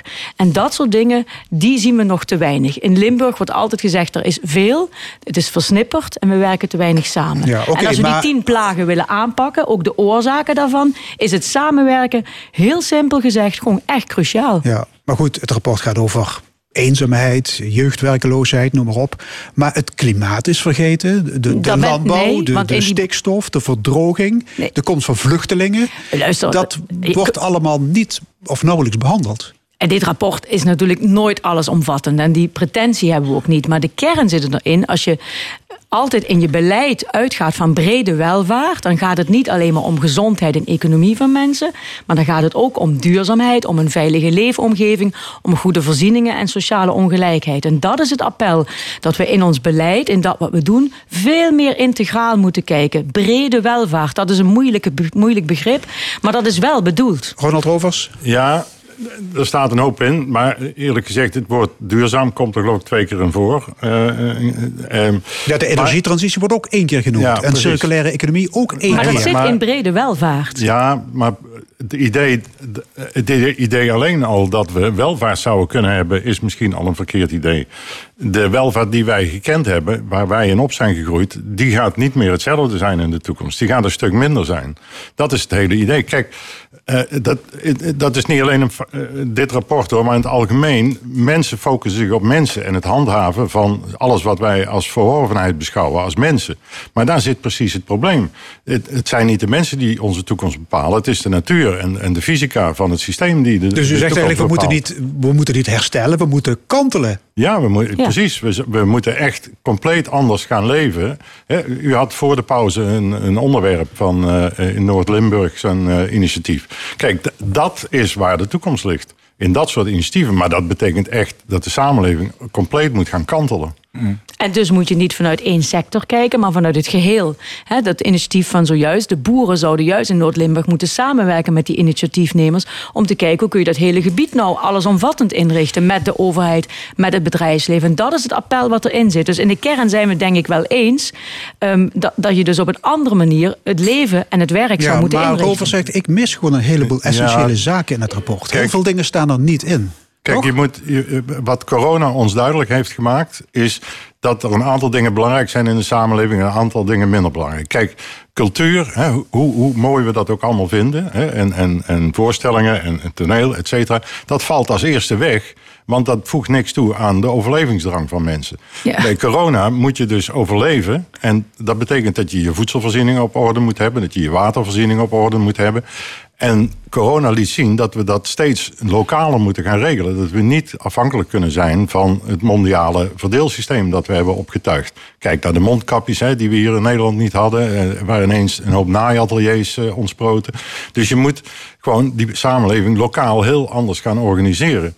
En uh, niet focussen op, zeg maar, ik denk dat het, het zorgen dat de bevolking beschermd wordt tegen dit soort rampen belangrijker is dan dat we ons focussen op hoe krijgen we de samenleving, hè, houden we die bij elkaar op dit moment. Ja, maar u maakt zich vooral zorgen over, zal maar zeggen, de sociaal-economische ellende Omdat die dit veroorzaakt. Het is wat als één ding die crisis ons leert, is dat we dingen echt in zijn integraliteit moeten bekijken. En ja, de manier waarop we ons leven ingericht hebben, dat we maar reizen en vliegen en consumeren. In de winter kan ik ook aardbeien eten. Dat is zeker een onderdeel van waar je vragen bij moet stellen. De kracht zou nu juist zijn dat je, dat, dat je daar ook juist cultuur bij betrekt. Dat je het als een geheel ziet. Want u zegt net, cultuur voegt niks toe. Ik denk juist in een tijd waar het perspectief weg is, kan cultuur juist heel veel toevoegen. Net zoals duurzaamheidsvraagstukken heel erg belangrijk zijn. Dat Ja, maar maar dat is ook de even, in die hele inspiratie. nota is één regeltje gewijd aan cultuur, hè? Dan heb je hem toch echt niet Ja, ik goed heb hem gelezen? echt twee keer gelezen. Nou, ik kan je zo... Trouwens, dat voegt ook niks toe om dit... Het, het rapport is doordrenkt van dat cultuur ook het verschil kan maken... in de verbeelding van mensen. Dat we dat juist nodig hebben. Maar mevrouw Dassen, wat is de, de, de urgentie van dit rapport? Ik bedoel, u had het ook kunnen schrijven zonder coronacrisis. Nee, dat denk ik niet. Ik denk dat de coronacrisis, net zoals meneer Rover zegt, ons een aantal fundamentele vragen stelt. En hier in dit rapport is een aanzet gedaan om mensen te inspireren, om die vragen op te pakken, om daarmee de samenleving op een andere manier te gaan Maar die inrichten. knelpunten die u noemt, die in dat rapport worden opgezomd, die zijn toch algemeen bekend? Maar ook corona maakt het urgentiebesef van deze knelpunten veel sterker. En dat is denk ik de tijdsgeest die we nu mee hebben, ook, ook om fundamenteel ook andere keuzes te maken. Wat vindt u zo zorgwekkend op dit moment aan eh, die coronacrisis? Ik bedoel, los natuurlijk van het, eh, het gezondheidszorgaspect. Wat, wat is er zo? De, de kwetsbaarheid, en daar ben ik het heel erg met u eens. De kwetsbaarheid van mensen zelf. Hè, dat je opeens ook heel erg geconfronteerd wordt met je eigen, met de eindigheid van het leven die er altijd is, maar die door deze plaag veel dichterbij kan komen. Maar ook de kwetsbaarheid van ecosystemen, hè, van de manier waarop we het ingericht hebben. Dus die kwetsbaarheid staat voor mij centraal. En maakt ook dat we het zo moeilijk vinden om hiermee om te gaan. Dat we dat niet gewend waren. Maar, maar eh, het, zal maar zeggen, het, het, eh, het werken aan een ander ecosysteem, dat lees ik niet in het rapport. Maar dat zit in de, in de term brede welvaart. Als we anders naar, als we niet alleen maar kijken naar kan ik meer geld verdienen. Nee, de vraag is wat, wat, wat draagt bij aan jouw welbevinden? En daar is de stellige overtuiging van de schrijvers van dit rapport dat je dan ook moet kijken naar duurzaamheid, naar veiligheid, naar voorzieningen, publieke voorzieningen en sociale ongelijkheid. Ja, Ronald? Ja, het zit in dat welbevinden. Ik bedoel, het gaat niet om ons welbevinden, het gaat om ons overleven. Eh, toen, ik had in het voorjaar, toen die coronacrisis op zijn hoogst was, had ik af en toe het gevoel dat ik weer terug in de jaren 50, 60 was, in mijn jeugd. Weet je wel, autowegen leeg. Ik, eh, eh, eh, op zondag was er niks te doen en je ging een potje kaarten. Maar dat is niet uitzonderlijk, dat is onze toekomst. Het feit dat wij gewoon weer op een veel lager welvaartsniveau moeten gaan leven. Dus het gaat niet zozeer om ons welbevinden, maar om ons overleven. Dat we ons moeten voorbereiden. En, en de tijd is kort. Hè? De CO2-budget die we nog mogen eh, eh, uitstoten voordat we door die twee graden heen zijn. Daar zijn we in Nederland in 2027 doorheen. Dus ondanks alle goede bedoelingen, het gaat veel en veel te traag. Dus deze rapportage vindt u te oppervlak? Nou Het ja, gaat we niet zouden eigenlijk in diep een niet fundamenteel Ja, genoeg. het is niet corona. We zouden een CO2-lockdown moeten gaan. Dat Ja. is eigenlijk waar, waar, de taak waar we voor staan. Ja, we zitten nu in een eh, gezondheidscrisis. Je zou kunnen zeggen over een paar maanden misschien wel de economische crisis. eh, Ja. en, en daarna volgt een maatschappelijke crisis, een ecologische crisis. Is Ja, het- nou, die, die zijn al aan de gang. Hè. Kijk, eh, eh, eh, eh, eh, in Amerika, hè, eh, America First, Brexit, hè, Take Back Control. Allemaal fenomenen, wat China aan doen is. Allemaal fenomenen van landen die zich terug zijn aan trekken op zijn eigen grondgebied en proberen daar de zaken te regelen. Daar zijn wij in Europa en zeker in Nederland lopen we daar hopeloos bij achter. En corona liet zien hè, dat, we, dat we daar echt iets aan moeten doen. Maar wat kun je daar regionaal aan toevoegen als ik deze grote wereldproblemen Ja. u hoor opsommen? En als je het alleen maar over le- overleven hebt, dan missen mensen echt wel het perspectief. En daarom is welbevinden een onlosmakelijk onderdeel van overleven. Want dat is nu juist wat mensen in deze tijd zo moeilijk vinden. Wat is het perspectief? Het ontbreken daarvan maakt Ja, het heel erg ingewikkeld. Je en in niet focussen op welbevinden. welbevinden. En, en, maar, terwijl overleven het belangrijkste moet zijn. Anders heb je ook niks aan Maar volgens mij gaat het welbevinden. hand in hand en we moeten het niet prioriteren. Het gaat hand in hand. Op een andere manier het leven inrichten. Meer samenwerking, kennis bundelen. Dat zijn cruciale punten. Ja, Ja, meer, de- meer samenwerking. Ehm, dat, dat zijn ook de twee steekwoorden in het rapport. Hè? Ontmoeting en samenwerking.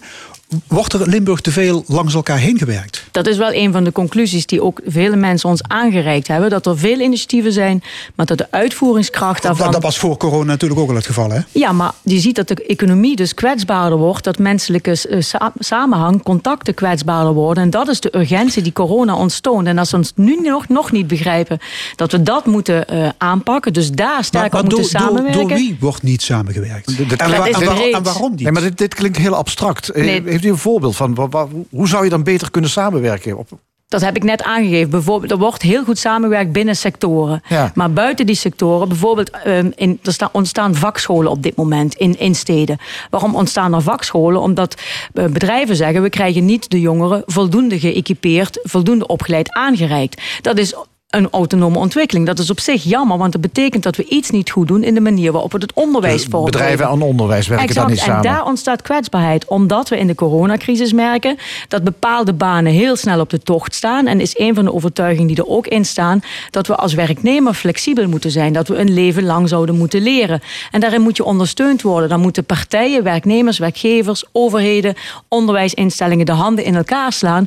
om continu gewoon mensen up-to-date te houden... zodat ze in een andere economische omstandigheid wel voor zichzelf kunnen zorgen. Gebrek aan uitvoeringskracht heet dat in Exact. jargon, hè? Oké. Ja. Hey, maar de ondertitel van dat rapport is... De kunst om van richting te veranderen. Ja. Meneer Rovers, heeft u die nieuwe richting kunnen ontdekken? Nee, niet, niet fundamenteel. Dus eh, en natuurlijk, wa- wat daarin staat is allemaal belangrijk. Daar, ben ik het helemaal mee eens. Dat, dat we te weinig bewegen en dat er mensen eenzaam worden. Het, dat is allemaal het probleem niet. Maar daar zit een, een, een fundamentele eh, gedachte daaronder, mis ik. Dat de hele maatschappij op zijn kop moet. Kijk, wij moeten gaan leven zonder fossiele energie. En fossiele, de, onze hele welvaart die we nu hebben, is uitsluitend gebaseerd op fossiele energie. Hon- 150 jaar geleden eh, eh, was dat niet zo. Ja, dus en daar moeten wij dus nu weer naartoe. En, dat is En die, echt- die urgentie straalt het rapport volgens u niet uit. nou, dat, nee, het, het straalt het niet uit, maar het zit er ook niet in, hè, die, dat, dat bewustzijn. Ja. Ja, als zit dat erin? Eh, Ja, nou, van richting veranderen. Ja, Waar- naar waar- ons gevoel zit dat erin, maar daar verschillen wij van mening. en In de- waar zit dat- dat In de in? term brede welvaart, dat je als, als, bedrijf, als bedrijfsleven, als overheden, kennisinstellingen, niet je op één ding moet focussen, maar het geheel moet bekijken. Maar misschien- Daar zit het echt in. Dat je niet meer op de manier met je samenleving kunt omgaan zoals we dat gewend zijn. Daar moet van richting veranderd Maar worden. als je samen iets gaat oppakken, eh, kan dat nog steeds betekenen dat je wel op dezelfde manier doorgaat. Hè? Dat je misschien de manier waarop je het nu doet, dat je het beter, eh, dat je het effectiever gaat doen, maar dan blijf je nog steeds op diezelfde manier doorgaan. Terwijl ik ik hoor meneer Rovers zeggen, je moet het eigenlijk Nee, omdat er ook andere dingen van andere belang weg inslaan. Omdat er ook andere dingen van belang zijn. Het kan niet alleen maar eenzijdig gaan om, om, eh, om, om werk en geld, maar ook om veiligheid, ook om voorzieningen, ook om sociale ongelijkheid. Als je kijkt, u had het net over de eerste blok, 50 jaar na de sluiting van de mijnen, zeggen we nog tegen Den Haag, we hebben bijgedragen aan warmte en doe iets terug. 50 jaar na de sluiting van de mijnen is de gezondheidssituaties van mensen in Parkstad nog steeds niet goed genoeg. In Kerkrade leef je anderhalf jaar gemiddeld korter. We zijn er nog niet in geslaagd om daar op een zodanige manier met elkaar samen te werken tussen allerlei instanties en bedrijven en instellingen om dat substantieel te verbeteren. Dat is nu het appel in het rapport. Stop daar nou mee, bekijk dat integraal, zorg dat je een goed programma hebt waar iedereen aan meedoet. Dan heb je duurzame verandering in alle opzichten. Precies, maar wat is dat programma? En daar, daar moet je fundamenteel op inzetten. Je moet, ik denk dat het te veel zweeft van we moeten veranderen en samenwerken. Allemaal, moeten we allemaal doen natuurlijk. Maar ik denk dat wat er mist is wat we dan moeten veranderen. Want bijvoorbeeld, hoe gaat u eh, kerkraden runnen zonder fossiele energie?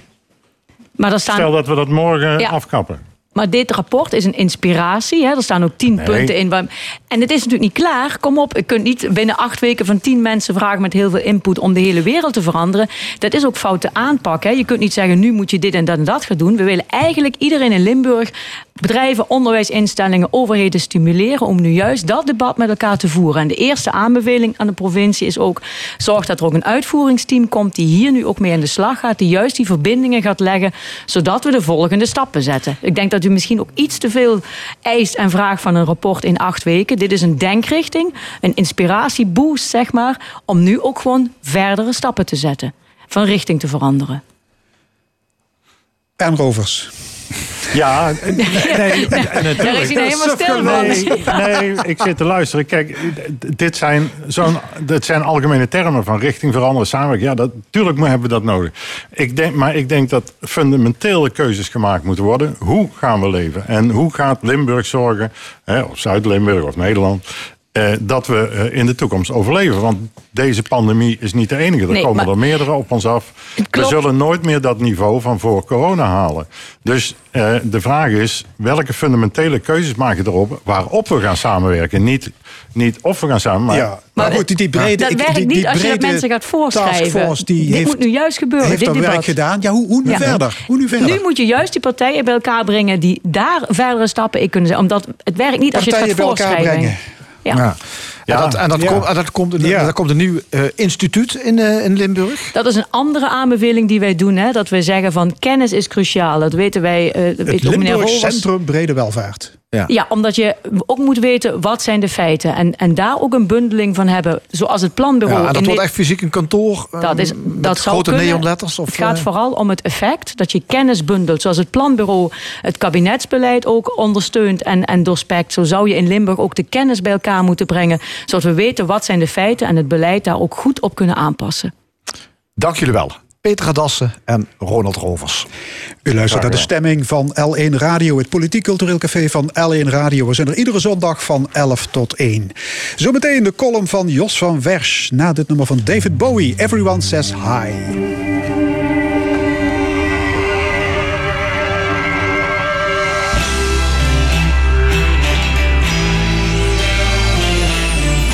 Said you took a big trip.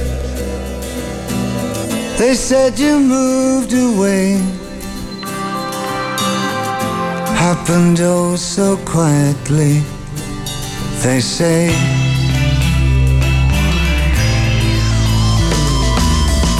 Shoulda took a picture. Something I could keep. Buy a little frame, something cheap for you. Everyone says hi.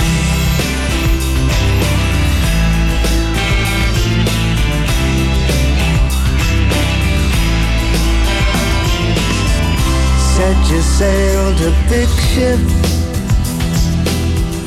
Said you sailed away.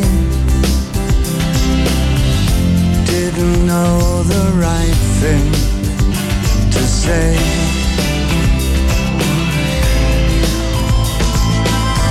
I'd love to get a letter. Like to know what's what. Hope the weather's good and it's not too hot. For you, everyone says hi. Everyone says hi. Everyone says don't stay in a sad place where they don't care how you are. Everyone says hi.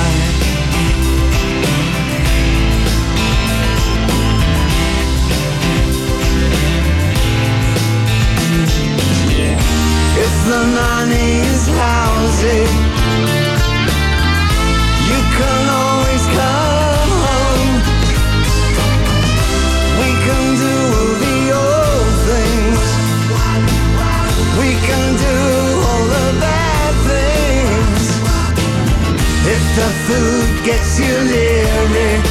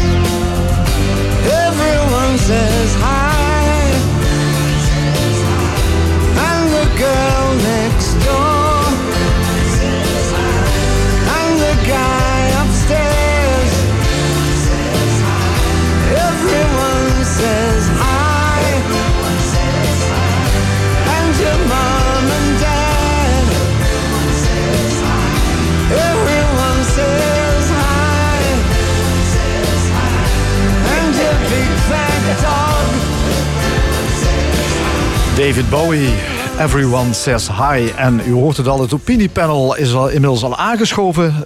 Zometeen gaan we het hebben over nieuwe coronamaatregelen. De strafeisende zaak Nicky Verstappen en nog veel meer dat afgelopen week in het nieuws was. Maar eerst de column. De column. Vandaag met Jos van Wersch. Ook het bronschoeneikenhout kleurt sinds gisteren zorgelijk rood. Het nachtegaaltje zingt pas weer als er een vaccin is. Tot die tijd klinkt over het Maltse korenveld niet het lied van de leeuwerik, maar de loeiende sirene van de ambulance op weg naar Zuiderland. Limburg, je zal er maar wonen en deze tijd Tom Doesborg heten. Tom is de vastelovensredacteur bij EL1. Hij draagt twaalf maanden per jaar, niet alleen overdag, maar ook in bed, een narrekap, een rood-geel-groen gekleurde sjaal. En niet te vergeten, Tom is drager van de Orde van de Gulden Humor. Dat is de hoogste Limburgse vastelovensonderscheiding. Die gulden humor spatte niet bepaald van Toms gezicht toen hij donderdag bij Alleen op televisie was. Tom keek als een kistdrager bij een begrafenis en zat erbij als een verwend kind van wie ze het speeltje hebben afgenomen. Toms speeltje heet Vastelovend. Helaas, maar dit keer niet, zeggen de veiligheidsregio's en dat snappen alle verstandige carnavalisten. Tom zelf is nog niet zo ver, want hij mist duidelijkheid en perspectief. Net als mijn moeder, maar die is 91.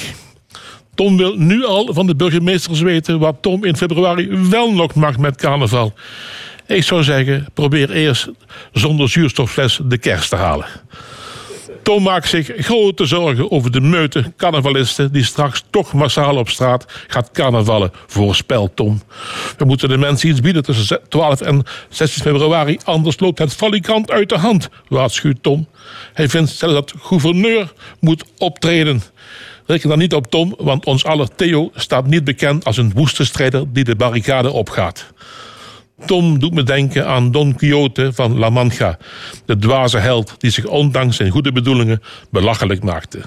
Terwijl diezelfde Tom, mits hij bereid is om een ander masker op te zetten, een onderdeel van de oplossing kan zijn. Tom is namelijk een onbetwiste autoriteit in Vastelovensland. Hij heeft, althans in dat wereldje, moreel gezag. Tom kent iedereen en iedereen kent Tom. Naar Tom luisterende feestneuzen eerder dan naar tien Hubert Brulsen. Laten we hopen dat Tom alsnog tot inkeer komt en accepteert dat er voor deze ene keer geen podia met camera's en microfoons voor hem gereed staan. Neem een voorbeeld, beste Tom, aan Femke Louise. Ze vertellen daags na die bewuste uitzending dat ze zich de impact van de ongefundeerde uitspraken realiseerde en dat ze zich ging bijscholen over het coronavirus. Ze bood haar excuses aan en beloofde beterschap.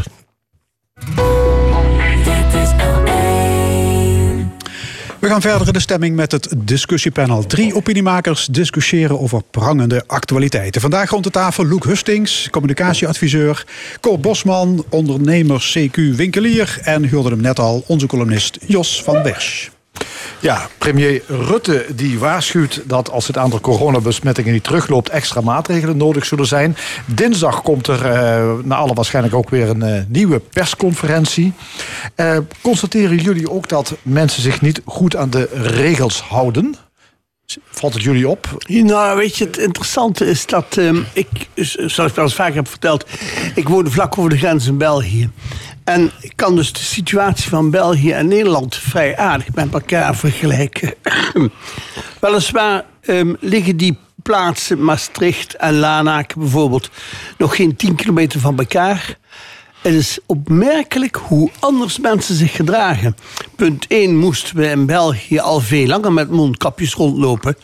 En je zult nergens iemand een winkel zien binnengaan zonder. Er is geen twijfel over mogelijk. Uh, mondkapje op, anders kom je er niet in. In de kroeg idem dito. Um, waar streng wordt toegezien dat je moet zitten en als je opstaat, moet je dat ding opzetten. En de sociale controle is daar groot. Ja. Als ik dat vergelijk. Je hebt de indruk dat dat hier anders is? Nou, eh, de kroeg ben ik eigenlijk niet meer geweest na corona in Nederland. Maar ik, kom, ik kwam regelmatig in grote winkels. En dan valt het op dat een hoop mensen dus geen mondkapje op hebben. En daar ook ongegeneerd rondlopen. In België zou een plaatsvervangende schaamte krijgen. In Nederland is dat niet zo. Maar misschien is het ook wel zo dat vanwege de zogenaamde intelligente aanpak en de wat soepeler wijze waarop men vindt dat men in Nederland met die dingen moet omgaan, dat de ernst van de situatie misschien niet zo heel goed is doorgedrongen. En ik vrees dat daar het probleem zit. Ja, Jos van Wers, hoe kijk jij er tegenaan? Ja, het verschilt waar je komt. Hè. Er zijn winkels waar ik uh, kom. En waar je merkt dat de mensen echt hun best doen, maar uh, de helft niet. Dus dan moet ik met een grote boog omheen, met mijn kar. Helemaal wel zo mezelf weet je, uh, beveiligen. Op straat waar ik kom, is het rustig, want ik ga niet meer de stad in. Ik hou me gedijst.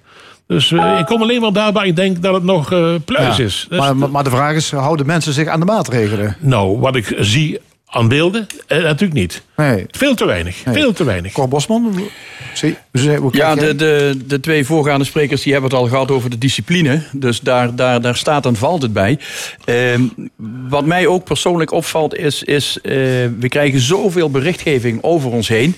Maar in, in, in alle berichtgeving is ook enorm veel tegenstrijdigheid. Van de mensen uh, die het kabinet informeren, het OMT, uh, alle deskundigen. Uh, de ene zegt van ja, misschien moeten we wel verplichten om mondkapjes te gaan doen. Terwijl dat de hoogste baas van het RIVM, die, die, die, die zegt gewoon openlijk van ja, we, we twijfelen nog altijd aan dat nut.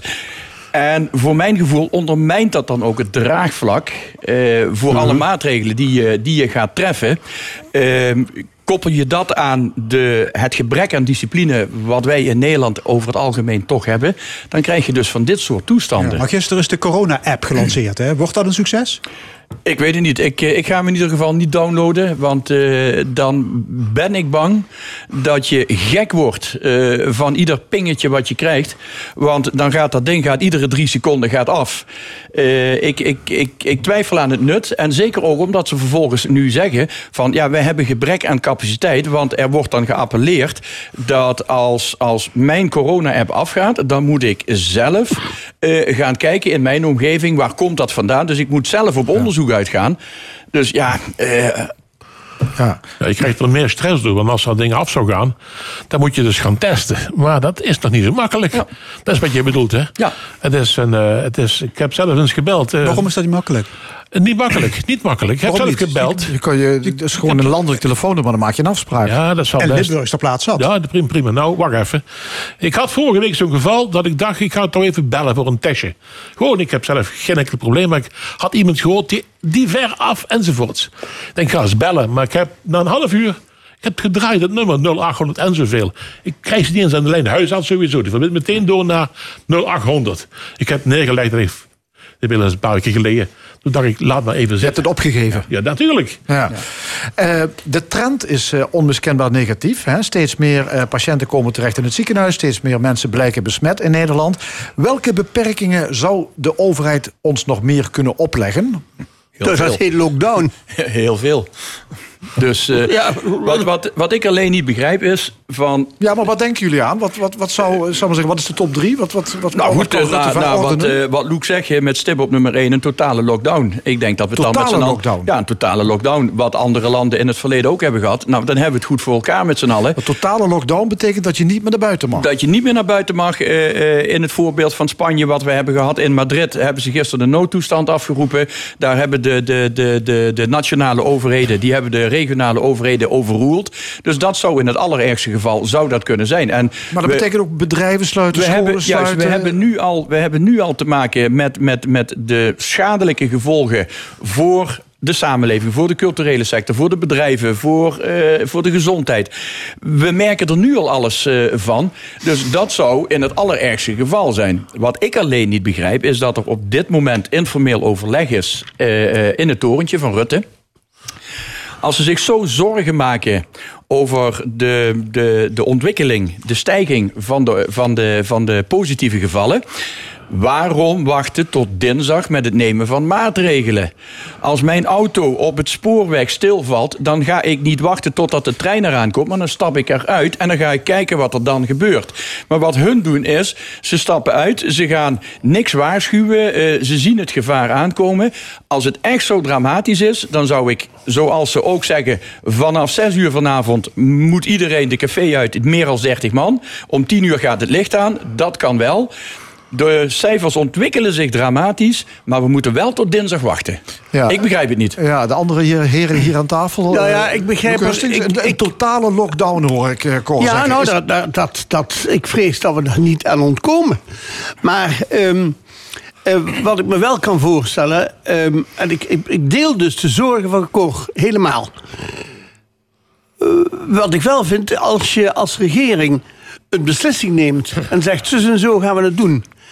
dan zul je het eerst met elkaar eens moeten zijn. Daarvoor zitten ze vandaag bij elkaar in het katshuis overigens. Ehm, en als ze het dan daarover eens zijn... dan moet vervolgens datgene wat men denkt dat moet gebeuren... omgezet worden in regelgeving, in begrijpelijke dingen... in een communicatieplan. Dat ze daar tot dinsdag de tijd voor nemen, vind ik zo gek niet. Beter goed gecommuniceerd dan slecht gecommuniceerd... en niemand weet waar ze, naartoe, waar ze aan toe zijn. Dus ehm, ehm, soms kan het geen kwaad om een nachtje extra te slapen. Om mensen heel duidelijk te maken wat er aan de hand is. Want zoals ze vroeger ehm, in de oorlog zeiden.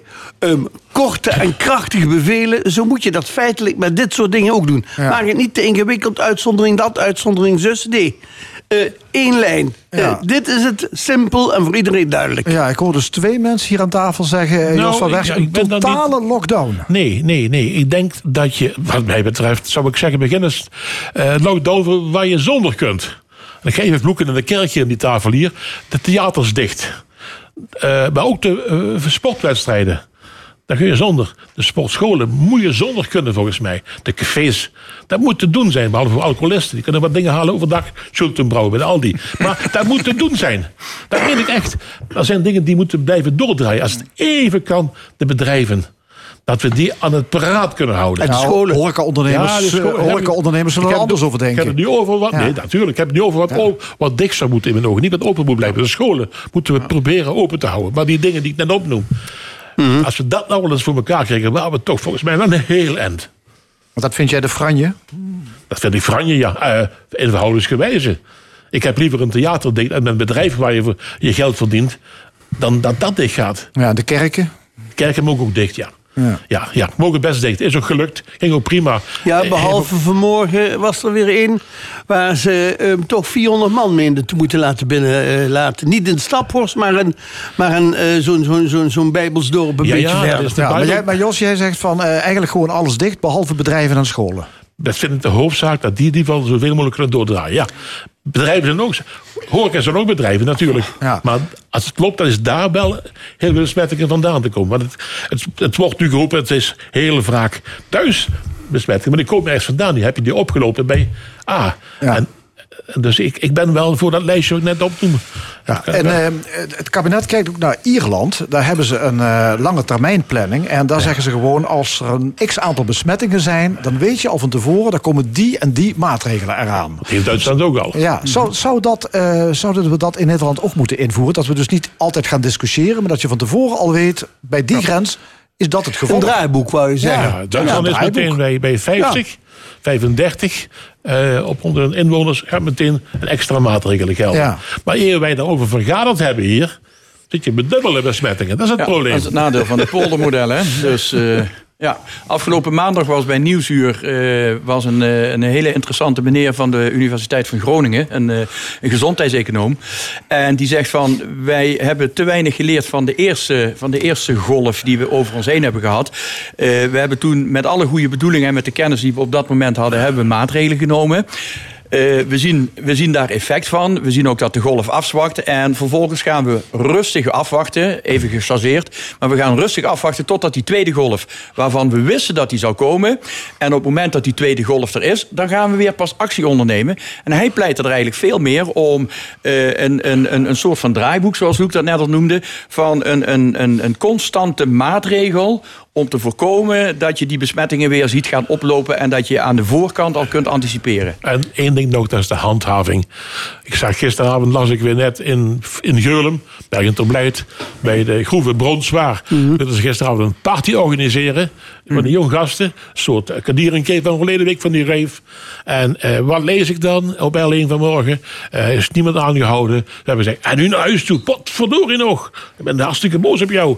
Maar die gasten zouden gewoon een, een flinke boete aan de broek moeten krijgen. Maar als, als je dat van tevoren weet dat er toch niks komt, dan denk ik, ik neem het risico wel. Goed, ander nieuws van deze week. De strafzaak Nicky Verstappen. Eh, het Openbaar Ministerie heeft 15 jaar celstraf plus TBS met dwangverpleging geëist tegen verdachte Jos Brecht. Wat vinden jullie van de eis? Ja, heel, heel moeilijk. Ik vind het een heel moeilijk onderwerp. eh, omdat het. ehm, ehm, ik ben geen jurist, ik ben geen rechter. eh, of die strafrecht, eh, eh, strafeis terecht is of niet. Eén ding weet ik zeker: de ouders hebben levenslang. Ze krijgen hun zoon krijgen ze dat niet meer mee terug. En wat mij in dit, eh, in dit hele gebeuren verbaast is dat alles wijst in de richting van de verdachte. Hij is nog niet veroordeeld. Alles wijst in zijn richting. En hij weigert gewoon openheid van zaken te doen. Hij zegt van, ik weet wel dingen, ik vertel het wel.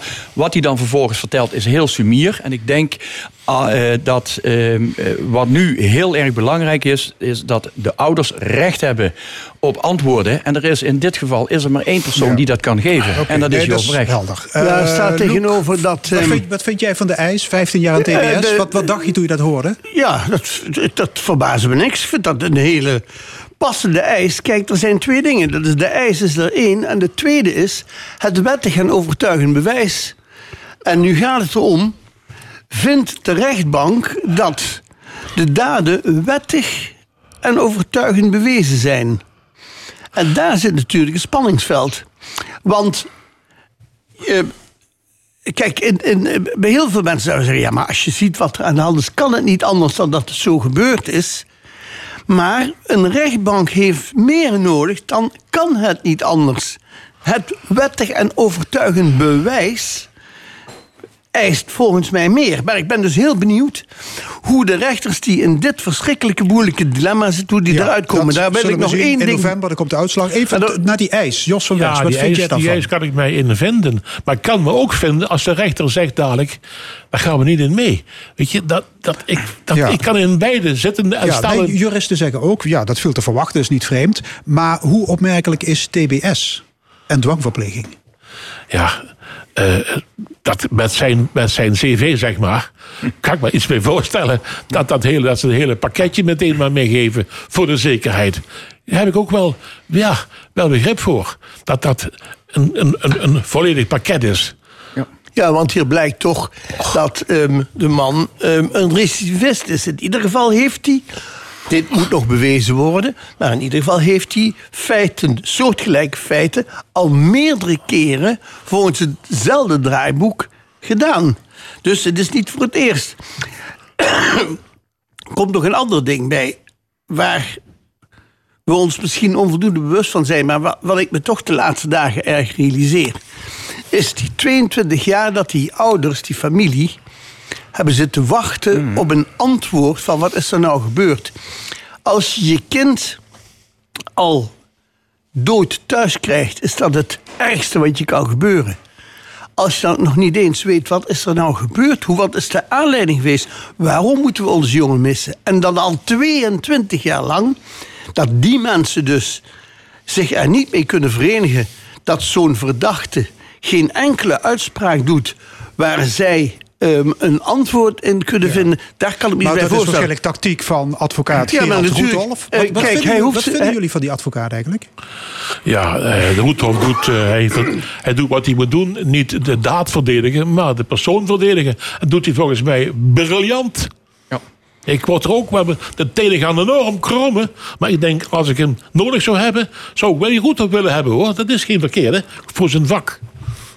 Ja, inderdaad. Wat, eh, wat Jos zegt, dat, dat, eh, hij doet zijn werk als advocaat doet hij heel goed. Eh, ik ken toevallig een aantal mensen die jurist zijn. En ik weet ook dat juristen primair, dit is hun werk. Maar op het moment als ze daar zelf emotioneel te veel bij betrokken raken... dan kunnen ze ook afstand doen van zo'n zaak. En dat gebeurt, in het, dat, dat gebeurt ook wel eens. Dit zegt ook iets over de advocaat, hoe hij erin staat. En ik blijf voorbij, als de verdachte als hij claimt onschuldig te zijn, waarom wacht je dan om te zeggen van ja, ik heb in al die 22 jaar, waarom wacht je dan 20 jaar voordat je wordt Ja, opgepakt? maar goed, de Waarom- advocaat komt deze week met zijn pleidooi. Ja, dan zullen dus, we het hopelijk nou, we gaan het niet. Die advocaat die roept bij mij, eh, zet bij mij ook alle stekels op hoor. Ik vind het een, een buitengewoon onaangename man. Terwijl ik vind dat hij zijn vak uitstekend uitoefent. Maar als persoon eh, vind ik hem erg tegendraad. Ja. Eh, georganiseerde carnavalsactiviteiten die zitten er komend seizoen niet meer in. Er worden geen vergunningen meer afgegeven voor de grote evenementen. Dat hebben de veiligheidsregio's laten weten. En ja, het zal niemand verbazen. Jos van Wers, je had het er al over in je column.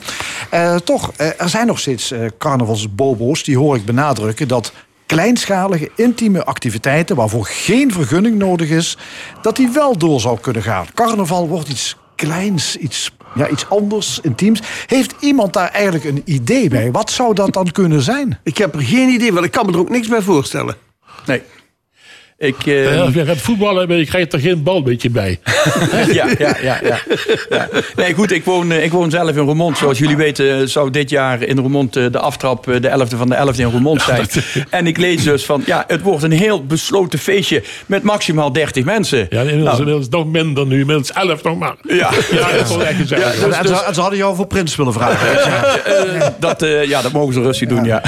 Nee, maar goed, ik bedoel, nee, ik kan me daar niks bij voorstellen. Carnaval, voor, zeker voor de mensen die daar, die daar het hele jaar mee bezig zijn. En we hoorden het ook al in de column. Eh, ja, voor, dat, eh, eh, voor die soort mensen is dat het allerbelangrijkste evenement van het jaar. En het is gewoon een volksevenement waar honderd mensen moeten komen. Nou, ga je dat afzetten tegen de problematiek waar we nu tegenaan lopen met de corona, dan denk ik dat dit een verstandig besluit is. En als je al heel veel andere dingen zou, vindt dat zou moeten worden afgelast, zoals sportwedstrijden. Als we één eh, ding bedrijf- kunnen missen, is het toch wel een één jaartje carnaval. Dat dacht ik, Kom ja. op zeg. Gedonder allemaal. Ja, ik hoorde Annemarie Pen, voorzitter van de Veiligheidsregio Zuid-Limburg, zeggen... eh, we kunnen wel niet al die straten aan pleinen gaan controleren met eh vastelovend. Is dat nou slim om dat nou alvast op te merken? Ja, dat had ik niet anders verwacht. Dat ze niet kunnen controleren, dat verbaast me overigens niet. Maar zeg je dat als hoofd van de veiligheidsregio? nee. Maar ze hadden het over een, een klein barretje in de straat. En zo, ik zie dat helemaal voor me. Heeft iemand zo'n oude barretje thuis? Dat gaat ook helemaal niet. Daar gaan geen mensen Nou ja, ik weet niet. Daar, staan, daar staat de hele stad vol met van die barretjes. Frank, Frank, Frank. Een, Nee, een, een groot uiteengesloten feest in Maastricht. Denk je Als, dat? als, als dat gaat gebeuren, als dat gaat gebeuren, dan, dan, eh, en, en, en eh, de voorzitter van de veiligheidsregio, eh a.k.a. de burgemeester van, eh, van Maastricht, die gaat zulke soort dingen zeggen. Nou, eh, lijkt mij niet verstandig. En was, nee, was niet goed, niet slim. Als je dat nu al weet, dan denk ik, oh nou, dan in ieder geval hebben we daar geen last van vast. We gaan wat bedenken. Dus, Maar eh, een avondklok hangt ons steeds. eh, een avondklok komt steeds dichterbij. Ja, die hangt ons echt boven het hoofd. ja, dan nog hè, tussen 11 en 6 morgens. Nou ja, Oh nee, maar dat, is dat, dat kan ook van 7 tot, eh Ja, nee, dat, tot dat- 6 zijn hoor. Maar, Eh, maar, maar, maar zal er dan iets ongecontroleerds ontstaan? Ik hoorde Jos van Wers in de, in, de, in de column al zeggen... Van dat, eh, maar ja, Cor Bosman? Ja, goed, zoals net al werd gezegd in Bergen te Blijt... dat er weer een of ander feestje georganiseerd was. Eh, eh, ergens in Nederland eh, hebben ze weer iets gesloten. Dat zal je blijven houden. En met carnaval zal het ongetwijfeld ook gebeuren. Ja, het is benieuwd. Goed, als eh, uitsmijter het startkapitaal van GroenLinks. Eh, op je 18e verjaardag krijg je 10.000 euro op je rekening. Dat geld moet wel nuttig worden gebruikt. Wat vinden jullie van dit plan? Ja, fantastisch. Ja, Ja? pop- populisme in het kwadraat. Ik, ik, ik heb er geen andere woorden voor. Ik las vanmorgen las ik, eh, op, eh, op Facebook eh, kreeg ik van iemand een berichtje. GroenLinks is tegen Zwarte Piet, maar in verkiezingstijd willen ze wel voor Sinterklaas spelen. Ja, het, is, het bedrag is bedoeld om welvaartsongelijkheid te bestrijden. Ja, Jongeren ja, ja. studieschuld, beginnen met een Ja, achterstand. en dan, nou goed, en dan kom je bij Thomas Piketty uit, eh, eh, waar, waar het idee van is overgenomen. Eh, die Ja, goede meneer. Ton had hij over, ja, hè? die meneer die gaat zelfs nog verder. Hè, die wil 60% van het gemiddelde vermogen van het land aan de jongeren geven.